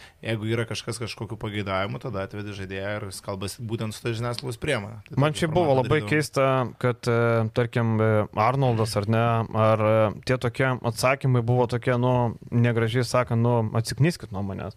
Nu, jie tokie buvo, nežinau, aš e, su Kulboka nesu kalbėjęs interviu, e, gal kuris iš jūsų esat kalbėję, bet man atrodė kartais tos šypsinėlės iš kitų žaidėjų, kurie sėdėjo šone, maždaug tokie, nu, ką jūs čia klausėt, ką jūs čia darot, maždaug. Šiaip Grigonis, e, man tai, pavyzdžiui, neužkliuvo, daug kas komentavo, kad kaip čia Grigonis irgi neturiu atsakymą, turiu atsakymą. Nu, va, jį užkniso jau čia tie klausimai. Aš, Aš... Ką jis negali šiuo metu nieko. Bet jis atsakyti. pirmą kartą atsakinėjo apie juos. Nu jo, bet jį šitą temą užėdus. Aš šiuo Ir atveju. mes pavyzdžiui, visi žinom. Grigonį, mes žinom, kokia dabar situacija, jis negali kalbėti apie tai. Taip. Ir čia yra viskas suprantama. Ir uh, jam nemalonu, kad jo apie tai klausia, bet jis tuo pačiu supranta, kad jo klaus, nes tai visiems yra įdomu. Visai Lietuvai tai yra įdomu ir tai yra natūralu. Bet mes žinom Grigonį, kad jis yra Nu, geras bišas, jį pasistabdyk, tu atsakymus gausi, tu Taip, taip, be jokių kalbų. a, Šiaip aukščiausias man lygis iš supratimo, kaip aš vėl da, garsiai galima pasakyti, Ūlė Kalnietis, čia yra aukščiausias lygis, ką mes turim Lietuvoje ir atsakymų turinio prasme, intelekto žaidėjo prasme ir supratimo ir pagarbos prasme. Tai čia yra aukščiausias lygis, į ką kai kurie žmonės mūsų galėtų šiaip jau pasilygiuoti ne tik krepšinio prasme, bet Taip, ir... taip. tų Juolab, kad čia yra rinktinė, čia nėra klubas ir nu, rinktinė visi žaidėjai yra visų mylimi, visi ją palaiko, visi ir žurnalistai, ir žmonės. Čia nėra klubas, kur pusė Lietuvos tave gal heitina, pusė tave palaiko. Tu žaidži atstovauji Lietuvos rinktinį ir nu, a, tas tavo įvaizdis ir turi būti kaip Lietuvos rinktinė žaidėja. Su, kul, su Kulboko dar vieną, su Kulboka, nes ne Yes. Kulboka. Tai uh, esu daręs interviu kažkada senais laikais. Tai išauklėtas geras, geras bičias visada buvo, aš su juo paskutiniu metu nesukalbėjęs, bet ta man tokio...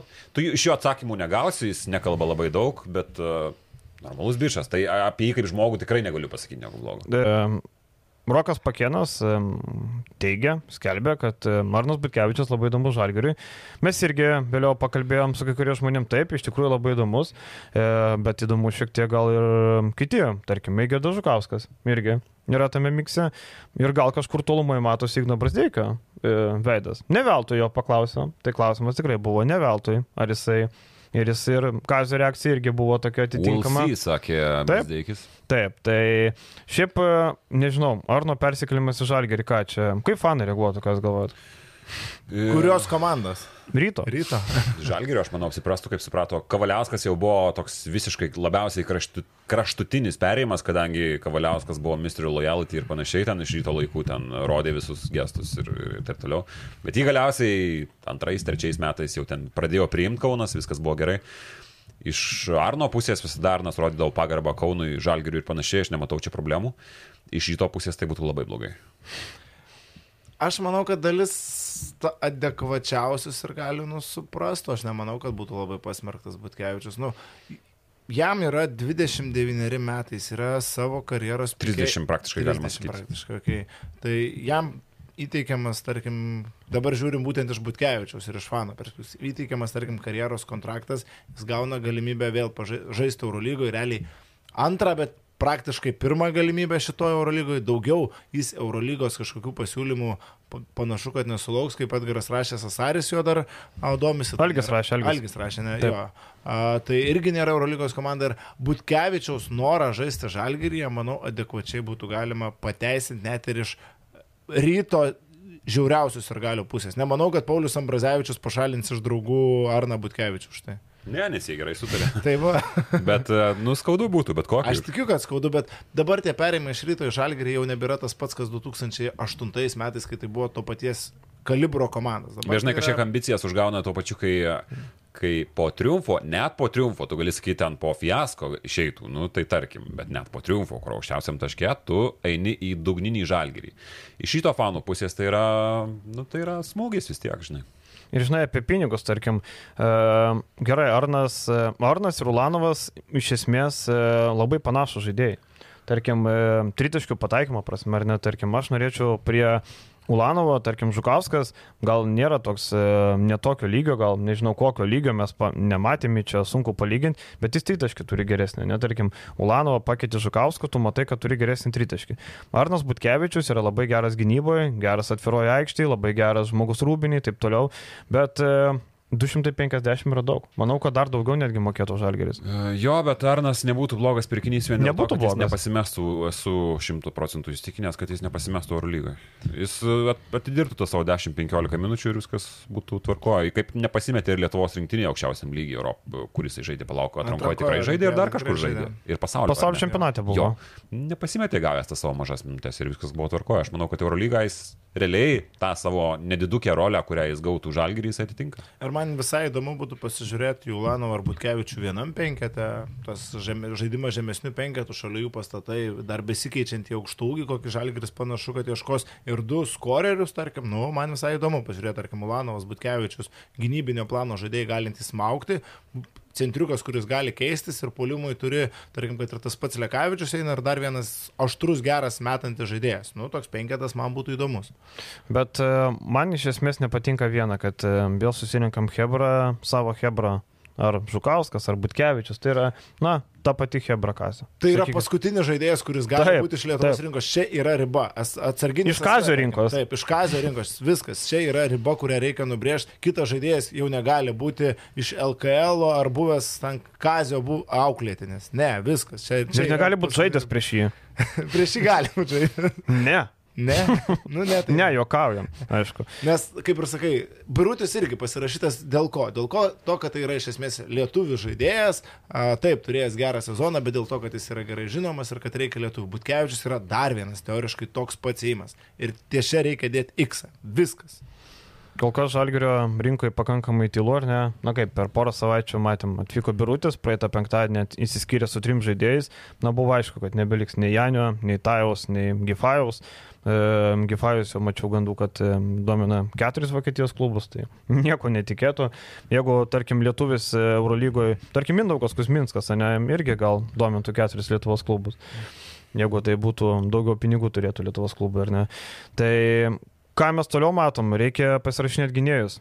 Matom dabar ant stabdžių yra uždėta Krisas Džonsas, Kailas Olmanas, kurio domisi tas pats Asvelis. Būtų šiek tiek ironiška, kad Žalgris nuperka Džonsą už 800-700 ir nusiperka Kailo Olmano ten už 300, pavyzdžiui, 3 PM ar ne. Ir Kailas Olmanas performina labai gerai. Kas yra, kas yra visiškai įmanoma.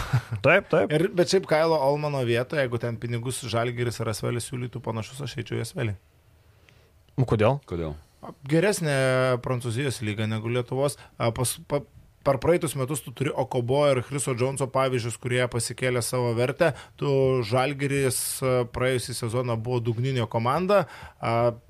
Nu, Asvelis lygiai taip pat. Svelis panašiai, bet e, Žalgiris irgi, žinai, tas faktorius ne visiškai galioja, nes Žalgiris irgi tu- turi krūvą dar daugiau pavyzdžių, kur žaidėjai kelia. Jo, bet tai yra, tai yra ankste, ankstesnis Žalgiris, ne šitas. Aš Olmano vietoje rinkčiausi Asvelį. Man nebent uh, Kazys yra geriau už TG Parkerį. Šiaip realiai TG Parkeris yra Prancūzijoje labai, labai negerbiamas treneris.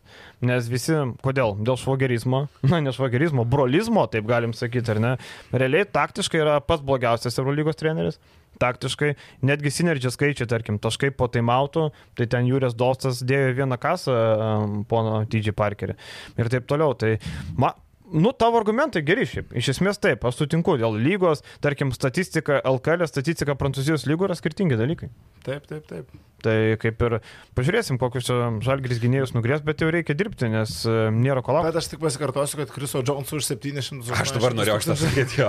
Perskaičiau. dar Aš 800. ne, aš out visiškai. Ne, ne, ne. 700 Jis tūkstančių. nėra Ne, 800 ne. žaidėjas, manau. Ta prasme, čia yra, būtų daugiausia, ką jis uždirbs savo karjerą ir nežalgeriui imti už tokius pinigus krepšininką. Absoliučiai. Ir tų žaidėjų šiaip nėra daug. Šiaip aš nenustepčiau, kad Neitas Voltersas grįžtų į žalgerį. Čia būtų žemai kabantis obolys už, pati, nu, už patrauklę kainą ir tu žinai, ką gausi. Visiškai sutinku dėl Walterso, dar patikslinsiu dėl o, o, Joneso, kad kažkas netaip mhm. nesuprastų. Žalgris gali mokėti 700 tūkstančių gynėjų, bet ne Krisui Jonesui. Ne žaidėjui, kurio tai yra didžiausia vertė, kokią jis yra turėjęs. Galima, tarkim, jeigu tu kažką gero susimedžiosi už to. Taip, jis geras žaidėjas. Mes tikrai, jeigu jis atvažiuotų, mes tikrai nebūtume sakę, o čia blogas pirkinys, taip, pirkinys geras, bet mes kalbam apie tai, kam žalgeris turi mokėtos pinigus, kaip, kaip, kaip tos pinigus paskirstyti. Tai va. Čia yra įdomiausia. Ir tas pats galioja ir Motijūno atveju. Mes nesakom, kad Motijūnas yra blogas žaidėjas ir netinkamas. Arba Gudaitis. Bet tiesiog, nu, tu vertini, kokią jis rolę turėtų žalgri, kokį vaidmenį turėtų ir ką jam už tai reikėtų mokėti. Nu, ir tada matai, kad gal tos pinigus protingiau painvestuoti galima kažkur. Žygonį, kiek žinau, irgi nesiuošima permokėti. Tai nesiuošima duoti didelių pinigų. Nu, Ma... daug didesnių. Man įdomu, kaip su Grigonio situacija bus. Realiai, Kol kas CSK, mačiau, VTB puslapį buvo sąrašo žaidėjom, tai Grigonis įskaitytas kaip turintis kontraktą. Nu, kas yra normalu, jis Taip, turi jis kontraktą. kontraktą. Ir Johannesas Fortmanas irgi tokia pačia situacija, kaip matau, irgi jo paleis nežada. Mačiau, buvo neva Johanneso domėjusi Milanas, bet situacija sunkina CSK. Tai Taip, panašu, kad ir Milutinovas lieka, ar aš kažką. Taip, praleidau. Milutinovas nenori, jam 2,5 liamo mokės, tai jisai niekur nenori eiti, nes niekas tiek nemokės. Taip. Bet Milutinovas yra Serbija, tai ko tu nori iš jo? Matome, Emilis Raikovičius perėmė, CSKV yra irgi dar vienas Serbija. Specialistas iš Makedonijos. Makedonijos? Makedonija. Serbijos? Mm. Ai, Makedonija. Nu, nesvarbu. Gerai. E, toliau. Mūsų sąraše Lavrinovičio atsveikinimo vakaras, e, kuris vyko šeštadienį e, ASG arenui. Daug žmonių buvo, viskas atrodė gražiai, Vilio papasakau, buvai. Buvo labai gražu, buvo faina. Mes neturim tokių renginių. Paskutinis, man atrodo, buvo 2013 metais, kai buvo dešimtmetis Europos čempionato. Mhm. Ir e, aš tą, tą, tą renginį žiūrėjau per e, televiziją. Ir man nežinau, gal dėl to, kad dabar gyvai buvo, bet šitas daug labiau vykęs atrodė. Ir, nu, pasijauti visų pirma didžiausias įspūdis, kad Macijausko faktorius, nu, jis vis dar yra herojus. Pristatinė visus to žaidėjus. GV, iki tol buvo didžiausias triukšmas. Bet kai Matsas, nu, atrodo, kad perspjovė, nes, nu, fantastika. Ir kitas dalykas, tu, nu, kai tu pamatai tuos veteranus, tu gali pasižiūrėti ir į tą dalyką, kur kaip jie atrodo, kaip jie prisižiūri dabar, nu, iš smalsumo, jiem grinai galbūt to ir nereikia, bet šiaip kaip, kaip kas prisižiūri, kaip kas atrodo. Tai uh, Matsas Blemba, Bitska kokie užsimetęs, kaip jis su visais. Kaip įdegęs gražiai. Pečių, kaip įdegęs gražiai, tai jisai fizinę formą palaiko, akivaizdu. Ir matosi, kad jis po to driblingo, po to kažkokio tai įsiveržimo į baudos aikštelę, nu jis neuždūsta taip visiškai, kaip ten galėtum sakyti uh, kažkas, ar ne. Nu ir tie metimai už tai po driblingo visokie ir skrenda, kad kojų padėtis viskas. Nu, žodžiu, galėjom prisiminti seną gerą Matsą ir man asmeniškai čia buvo įdomiausia vakaro Intriga. akimirka, kadangi Nu, Matsas buvo žaidėjas, dėl kurio aš pamilau krepšinį šiaip jau. Matsas buvo mano mėgstamiausias su laikų žaidėjas ir kada jisai baigė, kada jį pradėjo traumos olimpijakose draskyti, kada jis baigė karjerą, man buvo šiaip pakankamai didelis smūgis ir man buvo smūgis, kad jis baigė 2010 metais tik tai savo karjerą. Tai man buvo smagu prisiminti tuos laikus, nes sakau, mėgstamiausias mano visų laikų krepšininkas. Aš prisimenu, kad uh, mėtydavau ten būdamas devyniarių į krepšį ir galvodavau, kaip, kaip Macijauskas metu. Vėliau tik atsirado telefonai, kurie filmuoja, aš pamačiau, kad aš kairę ranką metu ir ne kartą prieš tai nebuvau pagalvojęs. Geras. Ir tas metimas visai kitoks. Tai va, tai broliai gerai nusiteikia, bet kas buvo po rungtinių. Tiškevičius vedė renginį ir sako, paskui galit visi šauti į aikštę, e, pasirašys, nusifotografuo žaidėjai kosmosas, kas ten pradėjo darytis. Visi žmonės, nu ne visi, aišku, kaip per olimpiakos. Didžioji, kaip per olimpiakos, tik kultūringai, aišku, laukia žmonės ir panašiai. Pradėjo ieškoti. Nebuvo paėmę ten, o broli mano čia, ne, nebuvo tokio. Lemva. Ir prie brolių, ir apsupo. Tai jie tribūnas jau eina paskui, tai jie aikštėje, tai jie vėl kitam krašte, tai valandą mažiausiai, valandą 20 minučių, tik tada broliai atsidūrė rūbinį, bet ne tik broliai, Kleiza, Šiškauskas, Gedrius Gustas gal net su tomu Delininkaičiu. Nu, visi norėjo su visais nusifotografuoti, pasirašyti ar dar kažką. Visi ten buvo populiarūs, visi ten buvo herojai ir renginys tikrai džiauriai vykęs. Tikrai viskas buvo faina, viskas buvo. Dar žinai kas, pamatėm Roberto Jeftoko abi, e, abi rankovės, vadinamas, taip, ištatuiruotas. Atsirenovavęs. Taip. Iš esmės, ką parodė šitas renginys, kiek pasilgę žmonės tos pergalingos kartos. Nu, čia ta auksinė Lietuvos mm -hmm. karta buvo surinkta, okei, okay, čia yra keletas e, iš jaunesnių žaidėjų, tas pats Jonas Valančiūnas, dabar ties veidas, bet iš esmės tai yra ta 2003-2004 metų karta, kuri visiems asocijuojasi su pergalėmis, su turbūt geriausiu laikotarpiu Lietuvos krepšinė. Nepaisant to, kad ir vėliau būtų pergalių, būtų finalų, bet bent jau man būtent tas laikotarpis atrodo kaip stipriausias Lietuvos krepšiniui, kalbant apie ryškiausias asmenybės. Tai 2-3, 2-4, Macijauskas, Šeškauskas, Štombergas, būtent šitie žaidėjai. Viskas taip organiškai vyko. Tai matas, broliai su diplomais bėga pas Maksvytį, pas, pas kitus trenerius, pas, pas, pas tą patį Sabą. Tai taip viskas organiškai. Kodėl Kazlauskas neturėjo asistentų? Nežinau. Sireika du turėjo, Homke ir Krapikas. Edanickų galėjo pastatyti, dabar Edas Nickus visur, visur, jis yra visur. Aš šiandien šalituvą ryte atidarau, Edas, Edas sėdė. Nickus. Nu, Tai gal dėl to, kad buvo vyno likė kokio, ne? buvo, buvo, yra. Šalą. Nealkoholinio. gero? Ką Kleiza, ką kiti. Kleiza nepataikė, bet kodėl Kleiza su tapkiam nežaidė? Sakė, čempionų lygo galėtų su tapkiam užmesti. Kleiza sakė, žinot ką? Persimetėm biški. Kleiza sako, Geras podcastas. nesakė. Na. Bet Kleiza, kaip jis pasakė? Mūsų pasirodė maždaug taip, kad pasirodė, koks mūsų lygis, bet tikiuosi, kad Paulius Motejūnas nestebėjo, nes jis mėgsta tokius krepšininkus pasirašinėti. o, blamba. Bum! Vienas krepšininkas yra Kalnietis. Šiaip kuris neįsiskiria nei greičiu, nei po. Su Matsu atrodė panašiai. Na, kelių lygiai taip. Šiaip Macijauskas dar LKL garžduosi 15 minučių pervarytų kamalį, kaip sako liaudiškai dar. Užmestų, užmestų. Ir kai žiūriu, 14 metų jau Macijauskas nežaidžia, kaip pagalvoju, 14 Bet metų. metimo nepragersi. 28 metų baigta karjera, kaip pagalvoju. Dabartiniais laikais tai galėjo dar kokius, na aišku, traumas ir taip toliau, bet 28 mes sakom, žaidėjas piką jau gal pasiekė, o gal ir nepasiekė. Dabar apie Butkevičią kaip tik kalbėjome, va, pikinis 29 metai, matėsi jau sezonas, kai buvo baigęs karjerą. Bijau, kurie buvo prasčiausias sportinės formas.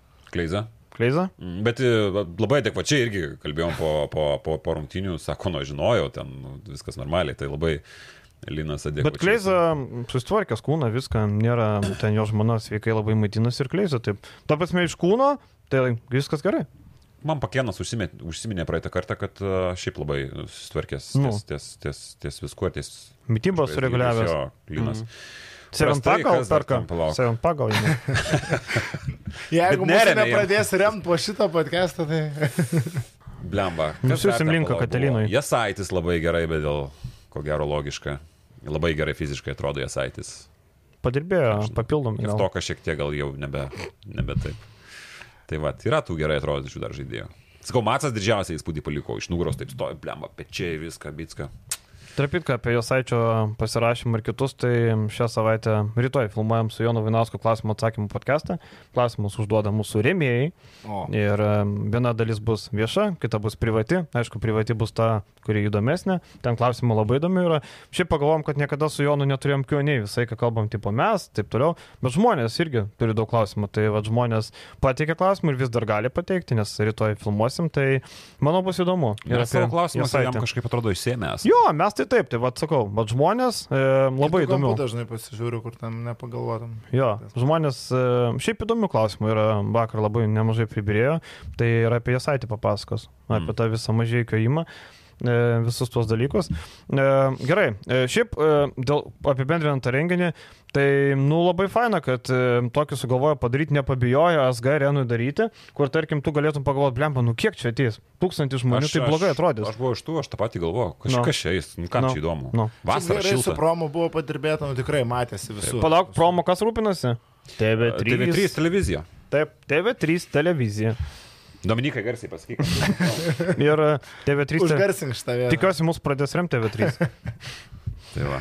tai jo, TV3 rūpinasi. Ne, tai gerai, kad nepabijojo, padarė šį broliai patys labai šunuolį, apvažinėjo visus. Įteikė maikės, nusifotografavo, parodė, sukvietė. Ir e, blemba, nu kas nieko ne jie realiai padarytų tokį šou, ne? Ten, tarkim, e, neįsivaizduoju, kad Aurelijus Žukauskas karjeros pabaigą tai paminėtų, ar ne? Gerą turiu. Nu, Fantastika. Pasakoju, siunčiau nuotrauką į čia. Sabas sėdi parketinėse vietose ir čia buvo didžioji jo klaida to vakaro. uh, tas, kur būna SG minkštas. Sakai, Kazinkė nebuvo klaidų. Manau, kad gal netokių, žinok, nes uh, lemba. Ilgoji pertrauka. Ateina, nesumeluosiu, mažiausiai 15 vaikų. Eilute prie Arvido Romo išsirikiuoja parašų nori. Nu, Arvidas tvarkosi ties pirmojų dešimtukų labai solidžiai. Ne vieno žvilgsnių iš šono pasirašinėja tvarkoj. Blemba, trečias kelnys artėja, dar 15 prisistato. Ir paskui dar 15 ir eilė, o tu žiūri, kad ten labai solidi, jau ten ir apsauga pradeda su basliu vaikytos laikus. Bet Arvidas toliau kantriai dirba, kamolį kažkas, kažkas nuotraukėlę nori, kažkas ant marškinėlių nori. Ir žodžiu, paskui jau trečio ir visą trečią kelnį pasirašinėjo žmogus. Maladėt? Jo, bet jau paskui tik tai, iš pradžių ten, kai buvo ilgos pertraukos metu, ateina vaikas, uh, nusifotografuoti, ten dar šypsenėlę kažką įspaudžia, dar kažką. Trečiam kelnėjau tik tai, kiša vaikas telefoną, Arvidas. Ir viskas, daugiau nieko. Pavargo. Bet jo, vis tiek, trečio kelnio pabaiga, kažkas atneša kamolį. Pasiemu tą kamolį blemą, pasirašinėt. Ir rezultatą akį užmeta. Gerai, toliau pasirašo. Užrašė gal Duokit kitą. Ir viskas. Tai Arvidas, pagarba už kantrybę. Šiaip galėjo siūsti von. Bet, Bet, žinai, toks renginys, nu čia yra šventė ir patys žaidėjai, ir buvę žaidėjai, turbūt reikia sakyti, supranta, kad žmonės atėjo būtent tų parašų, būtent tų nuotraukų, būtent atėjo pagerbti ne tik Lavrinovičius, atėjo pagerbti visą tą kartą, tą patį Arvidą Sabonį, senesnės kartos, ir čia reikia atiduoti duoklės ir galėms tiems fanams. Tai šaunuoliai, kad žinai, kas, kas, Arvydas kas yra, va, tu sakai, kad, kad, kad Arvidas yra senesnės kartos, taip yra teisingai, uh, bet man keista, kad ateina vaikai, jie nematė gyvo žaidžiant Arvido ir, ir jie nežino, kas tai Nu yra. Dėl Lidlo reklamos gal? Ant kiek iš Lilo, iš MKL ir, ir iš visų, ir iš Olaus reklamų dar dabar. Mm. Tai ant kiek tai yra žmogus mitas. Įsivaizduokit, vaikai jau nebematė, nežino, kas tai yra. Žinai, Bet jie mes, vis tiek mes eina. dabar įsivaizduojam, ant kiek, jau kaip senukai pakalbėsim, ar dabartiniai 18-mečiai nebuvo gimę, kai Lietuva laimėjo Eurobasketą, Ju- jum tai neklikina galvoj, Ai. 2-3 Jo, mes jo. dabar. 18-mečiai tuo metu nebuvo gimę. Tai ką mes čia kalbam apie vaikus ir Arvidą mm. Romą. Mes matėme minimaliai Arvidą Sabonį žaidžiantį. Arvydą Romą. Arvydą Romą Sabonį. a, Minimaliai žaidžiantį. Tie vaikai Macijausko nelabai matė žaidžiančio, jisai baigė 2-8, tai 15 mečiai. 20 baigė Arvidas. 14 metais. Macas, ne? 2-8, ne? 8? Ar 10? Neatsimenu, nesikė. 2-8. Vėliau, tik tai ko- kokio laus reklamai? Negaliu sakyti, šito jau, jau, jau čia ne, ne, ne Šito ne? manęs. Tai 14 mečiai nebuvo gimę, kai Arvidas Macijauskas karjerą baigė. Tai kiek tai yra žiauru. Jo. Nu, jo. Tai va, fainas renginys, apibendrino visą sezoną, uždarė ir dabar e, rinktinė laukia. Šią savaitę dviejas draugiškos rungtynės su Latvijais, Rygoje ir Šiauliuose, Totvydas pakomentuos. Kas visiem. rodys, kokią televiziją? Kokia rodys? TB. TV3? 3. O, gerai. Tu per daug lendam į šikną šį kartą, bet Šiaip tikiuosi, kad rems biški. TV3, 7 pack ir 7 bet. Ir GO3 irgi. E, gerai, visiškai baigiant, e, gal pakalbėkim šiek tiek apie Japonijos rinką. Labai žmonėms buvo įdomu, kodėl e, taip e, gausiai pradėjo traukti Japoniją. Adamaitis turėtų Japoniją, Ivanas buvo šiandien oficialiai. Yra Japonijai, ja, ne Japonija, Japonijos klube. Ir šiaip ta rinka buvo tokia lietuvė netrasta, bet ten pinigų yra. Ten yra pinigų ir e, kiek aš girdėjau apie Adomaitį, aš rašiau, ta suma yra apie 280 tūkstančių eurų, tai yra labai solidi suma. Šiaip Adomaičio sprendimas iš pažiūros atrodo, na, toks įdomus, bet aš puikiai pateisinu. Eurocapė tu neturi vietos, Eurolygoje neturi, nu ar Neptūnas, e, ar Japonijos daug pinigų, tai no-braineris. Kaip iš krepšinio mylėtojo pusės, kaip iš krepšinio gerbėjo pusės, man liūdna, kad mes... Nu, Tau kažkur ypatingai liūdna. Tai, man ypatingai liūdna, kad mes netenkam tokių, tokių trenerių, kuriuos būtų įdomu pasižiūrėti. Man visada įdomu, kaip buvo LKL Kazys Adomaitis, Rimas Kurtinaitis ir Šaras. Man čia buvo, atrodo, trenerių korpuso aukso amžius. Tai kad mes netenkam tokių trenerių sirgaliam irgi, manau, liūdna. Klaipėda irgi dar liūdniau yra. Bet iš, uh, iš, iš Adomaičio pusės, nu, čia yra no-braineris. Karjeros prasme tai tikrai nėra geras šuolis. Čia nėra joks šuolis, čia yra downgrade'as. Bet uh, išvažiuot metus. Pinigėlį paimti. Pinigėlį aš paimt? gal nesąmonę pasakysiu, bet aš galvoju, kad gali ir karjeros prasme išeiti naudą toks žingsnis, tu visiškai pakeiti aplinką, tu gali permastyti savo filosofiją, susidėlioti viską visiškai kitokiam, kitokioje situacijoje, pamatyti visiškai kitokį krepšinį ir praplėsti savo akiratį. Ar tai negali duoti naudos vėliau sugrįžus į Europą, aš manau, kad gali. Nes mes visi čia verdam savosios ultise, tu esi įmetamas į visiškai kitokią krepšinį, į visiškai kitokį pasaulį ir tau reikia suktis su savo žiniom toje rinkoje. Tu kažką pasimsi iš ten, kažką duosi pats. Ir sakyt, kad tenais visada galima jungti tą požiūrėti, jie ten durniukai nemoka to krepšinio žaisti.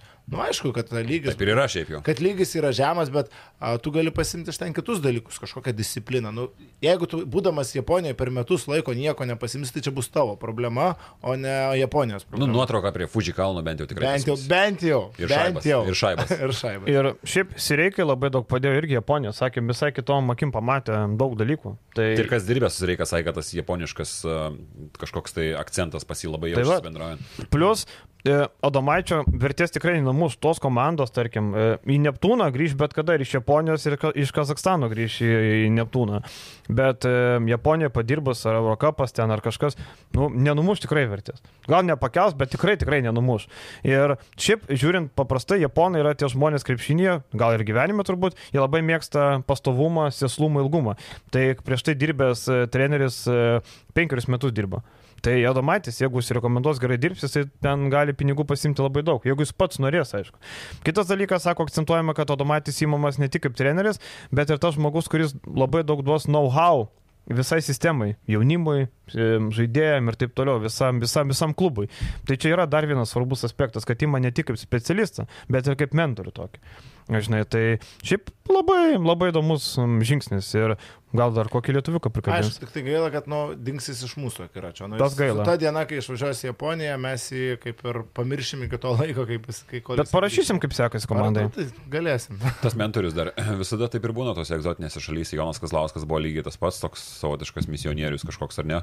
A, Žibėnas Indonezijoje buvo lygiai taip pat. Nu, tai kur ta savo disciplinė Žibėnas Irane, ten Žibėno visą karjerą tokia, ko gero galima ir išvardinti. Kur tu tiesiog ateini kaip misionierius, kuris kažkoks humanitarinę misiją atlieka tiesiog klube ir dar pinigų gauna už tai. Tai dažniausiai tose egzotinėse šalyse taip ir būna. Įima į serbų specialistus, įima dar kažką, graikus. Reikia pabrėžti, kad e, kol kas susitarimo dar nėra, mes kalbam hipotetiškai, labai arti, derinamos detalės, tai dar visko gali įvykti, ne, neprimkim kaip fakto, dar kol kas labai arti, tai mes tik tai kalbam taip. Ivanas buvo irgi iškeliavo ir girdėjau, kad ten kontraktas labai solidus, vos ne 300 su, su, su cent 350 vos ne. Tai yra labai daug. Tai va tokiam buvai, tai tokios rinkos yra pats tas žaidėjas, turintis e, skilsų polime ir galintis rinkti taškus, jam tiktų, aš įsivaizduoju, ir net Kinijos lygiai patemtų rinkti ant to, tą statistiką, Japonijoje tuo labiau, tai ko ne. Su Jacobu Vailį galėčiau, atsimenu tokį Jacobą Vailį. Jo, tai Jacobas Vailį irgi su juo.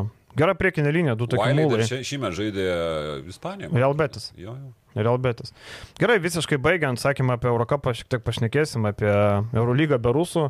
Na, kaip ir labai logiškas sprendimas.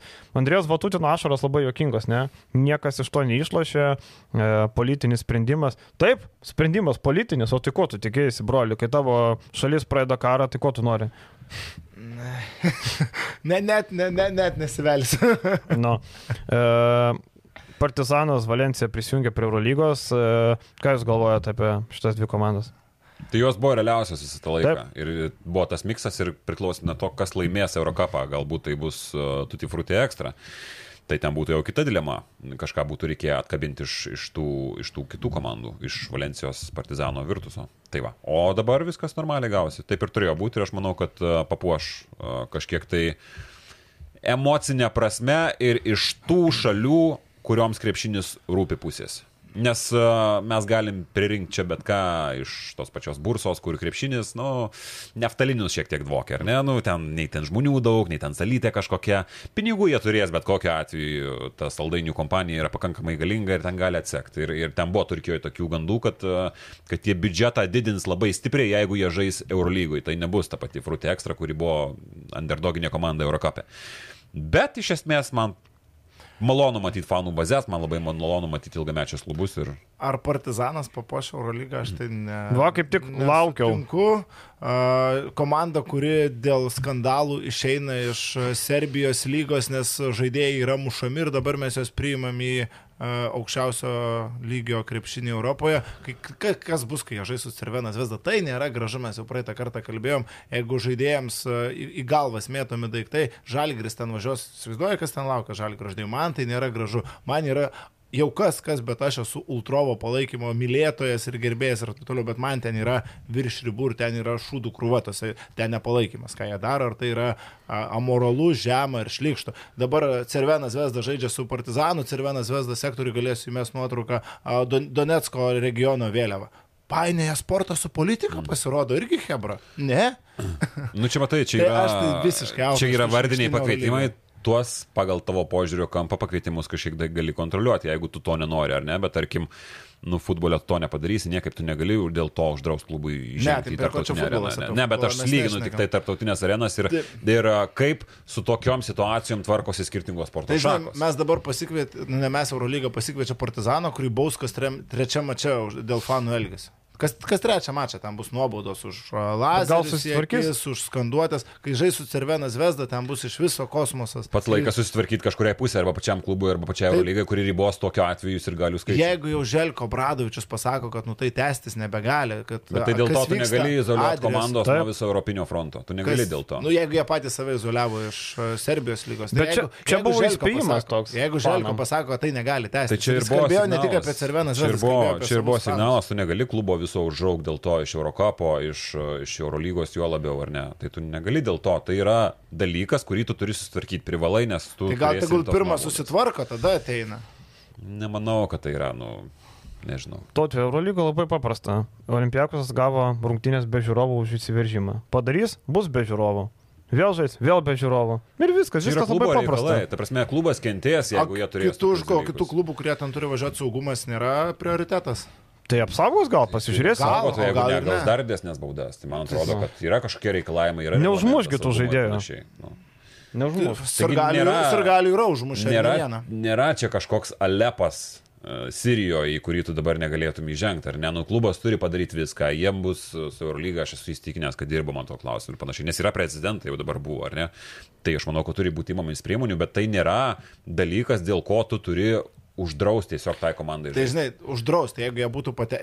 skirtingi dalykai, uždrausti ir pakviesti, jeigu jie būtų laimėję Europos taurę, tai yra dar vienas dalykas, dabar tu įteiki vardinį kvietimą. Nu, čia diskusija ilga, aš e, gal prieš pusę metų irgi būčiau kitaip kalbėjęs dėl Partizano, bet man štyvo finalai Adrijos lygos parodė, man parodė visos tos Donetsko vėliavos, tai tie visi serbų tvytų komentarai ir taip toliau, kad ten situacija yra pakankamai bloga ir aš asmeniškai jų Eurolygoje nenoriu, bet nu jie bus. Nu, tai Dar vienas dalykas, aš tikrai tai nesu, nesu Serbijos e, gerbėjas su ypatingai dabartinim tendencijoje, tai tikrai ne, bet tarkim, kai mes matom, kad nėra labai daug ką paimti iš aukščiausios lentynos komandų į tą Eurolygą, ar ne? Nu, paskui mes žiūrime į visokias tutifrutį ekstras, e, Venecija galbūt, kas ten eina to antrojo lentynoje, Paryžius, dar kažkas, aš nežinau.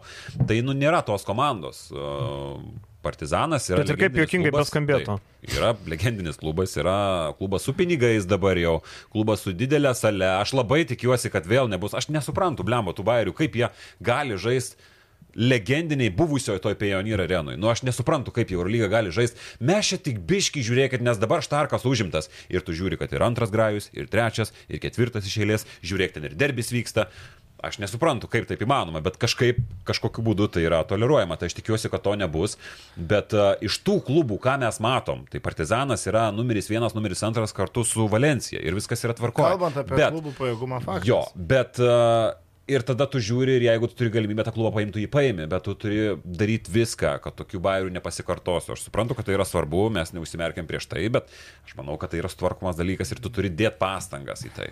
Nu, žinai, ar Eurolyga kažką jau tokio sutvarkė per, per, per kiek metų tai tęsiasi, ar Olimpijako, nu, pavyzdžiui, Olimpijakosas vėlgi, čia tai yra riba, graikai ir serbai ten tais klausimais visais yra gana panašus ir palaikymu ir taip toliau, bet, nu, Olimpijakosas, Panatinaikosas ir gali, nu, kur kas rečiau, mano akimis, peržengia tas ribas, netgi turkai, kur turkai irgi yra išprotėję ten Fenerbakčia, nu, bet kažkaip tos ribos yra išlaikomas Serbijoje, pastaruoju metu tai nėra išlaikoma, nors Turkijoje, tarkim, iš Sirgalios pusės teoriškai vykti būdavo pavojingiausias senais laikais, ar ten futbolos ir galim, ar taip toliau, į Turkiją tave kitos komandos faną nuvažiavusi gali papjauti už šalį, ką ne, nešioja mane. Bet žinai, jeigu žiūrėtų apie fanus, tai pavyzdžiui, Lenkijos klubai negalėtų niekur dalyvauti. Taip.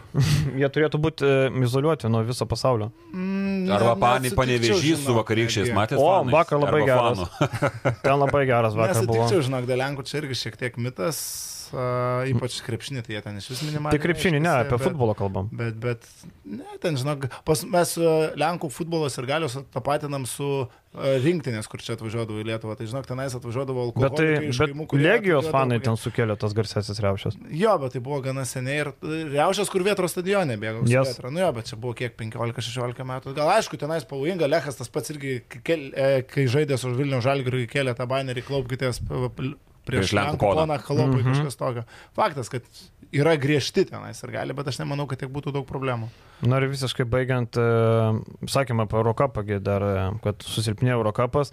Šiaip labai, labai taip įdomi atrodo, ar ne, kad e, antras turnyras neva, nu, neranda tų komandų, nes daug kas su čempionų lyga turi sutartis. Ir e, išmetus rusus, perėjus e, ten, labai, labai didelis susilpnėjimas. Ir man atrodo, kad viskas eina link to, kad Eurocapas iš visų susidarys, apie ką mes ir kalbėjom, kad neapsimoka renkti, minusinis, nuostolingas. Ir būtų gal teisinga, nes ten su Lionsais, Klužo Nopokom, nematau labai, arba Prometėjom. Tai čia labai labiausiai skaudėjo ta visa rusų, rusų visas išmetimas iš Eurolygos, labiausiai skaudėjo ne Eurolygai tikrai, o labiausiai skaudėjo Eurocapai, kadangi Eurocapas dar turėjo tą bent jau kažkokį žiūrovą pritraukti, tą kabliuką masalą. Uh, tai yra tokie klubai kaip Virtusas, kaip Valencija, kaip Partizanas. Dabar jų nebeliko, nes jie turi užimti rusų vietą. Tai Eurocapė, nu... Ir dar iškrenta lokomotyvas, tarkim, kaip Taip, pavyzdys taip, iš dar. Tai tu netenki keturių komandų, elitinių, visiškai elitinių. Kažkada Unikaha buvo jau ir tos nėra, jinai nuėjo į čempionų lygą. Tai aš sutinku visiškai, kad čempionų lyga greičiausiai, mes nematom dar sąrašo, bet greičiausiai galimai bus geresnė, geresnė lyga. Ten yra Unikaha, ten yra Manresa, čia jau galima diskutuoti. Labai daug klubų padavė, net Jeruzalės šeši. Hapoelis jo, jo yra. Tai, Tai prisiminkim, Tel Avivo HPL žais Eurocapė, kuris Izraeliu užėmė septintą vietą. Septintą vietą. Holono Junetas, kuris laimėjo lygą, žais čempionų lygai. Tai septinta e, Izraelio komanda žais Eurocapė. Izraelio lyga Lietuvos pagal reitingus pajėgumą tas pats. E, Ten 90 eina, ne? Mm. Tai jūs pagalvokit, ne? Nu, absoliučiai. Tai atrodo labai jokingai. Gal visiškai baigę norėjau pasidalinti įspūdžiais e, apie Italijos lygos finalus, kaip sudėtinga žiūrėti, nežiūrėti, nei vienas tos part vieną. Žiauriai sudėtinga žiūrėti. Ten teisėjai eina peržiūrėti kiekvieną epizodą. Ten yra, Teisingas, bet kažkaip šitas neužkliuvo. ten yra ne paskutinės, prieš paskutinės rungtynės, tarkim. Ten e, aš tikiuosi, kad jeigu būtų gytis Vilius, jis neįtų žiūrėti, nes ten buvo labai aiškus epizodas. Eina žiūrėti kiekvieną epizodą. Ilgos peržiūrės, žiūrovai išvilpė. Rungtynės, treč, e, tas mačas, kai buvo, tapo 2-3, truko 2 valandas 25 minutės. Wow. Pražangų milijonas, e, peržiūrų milijonas, techninės, nevaldo teisėjai. Ir jie vis kvesdavosi po vieną užsienietį. Buvo ir Borisas Ryšikas, buvo e, Serbas, buvo ir taip toliau. Bet, e, na, absoliučiai, žiauriai sunkiai žiūrima. Ir taip palyginti, tarkim, Ispanų finalą, palyginti Italai finalą, kuris šiaip buvo įdomus Italų finalas. geras finalas jo buvo. Jo, Virtusas su Milanu kapojosi iš širdies ir ten abi komandos ir motivacijos turėjo ir visko, bet e, labai sunkiai žiūrisi. Ir ne, nemačiau reguliaraus sezono rungtynių Italijos, bet finalo rungtynės buvo labai labai sunkiai žiūrima šiaip. Kas komentavo? E, Braždžionis ir Budraitis pasikeisdami. Ką, ką nori pasakyti? Taip. Ko čia tas sakys vartai? Nežinau, ne, ne. Gerai, užteks. Gerai. Prisikalbėjom visko. Ačiū visiems, kad žiūrėjot. E, Pasimatysim kažkada. Iki. Ete. Iki. Septyni bet. 7 bet. Lažybos. Lažybos. Septyni bet lažybos. 7 bet lažybos. Septyni bet. Nesėkmingas lošimas gali sukelti priklausomybę.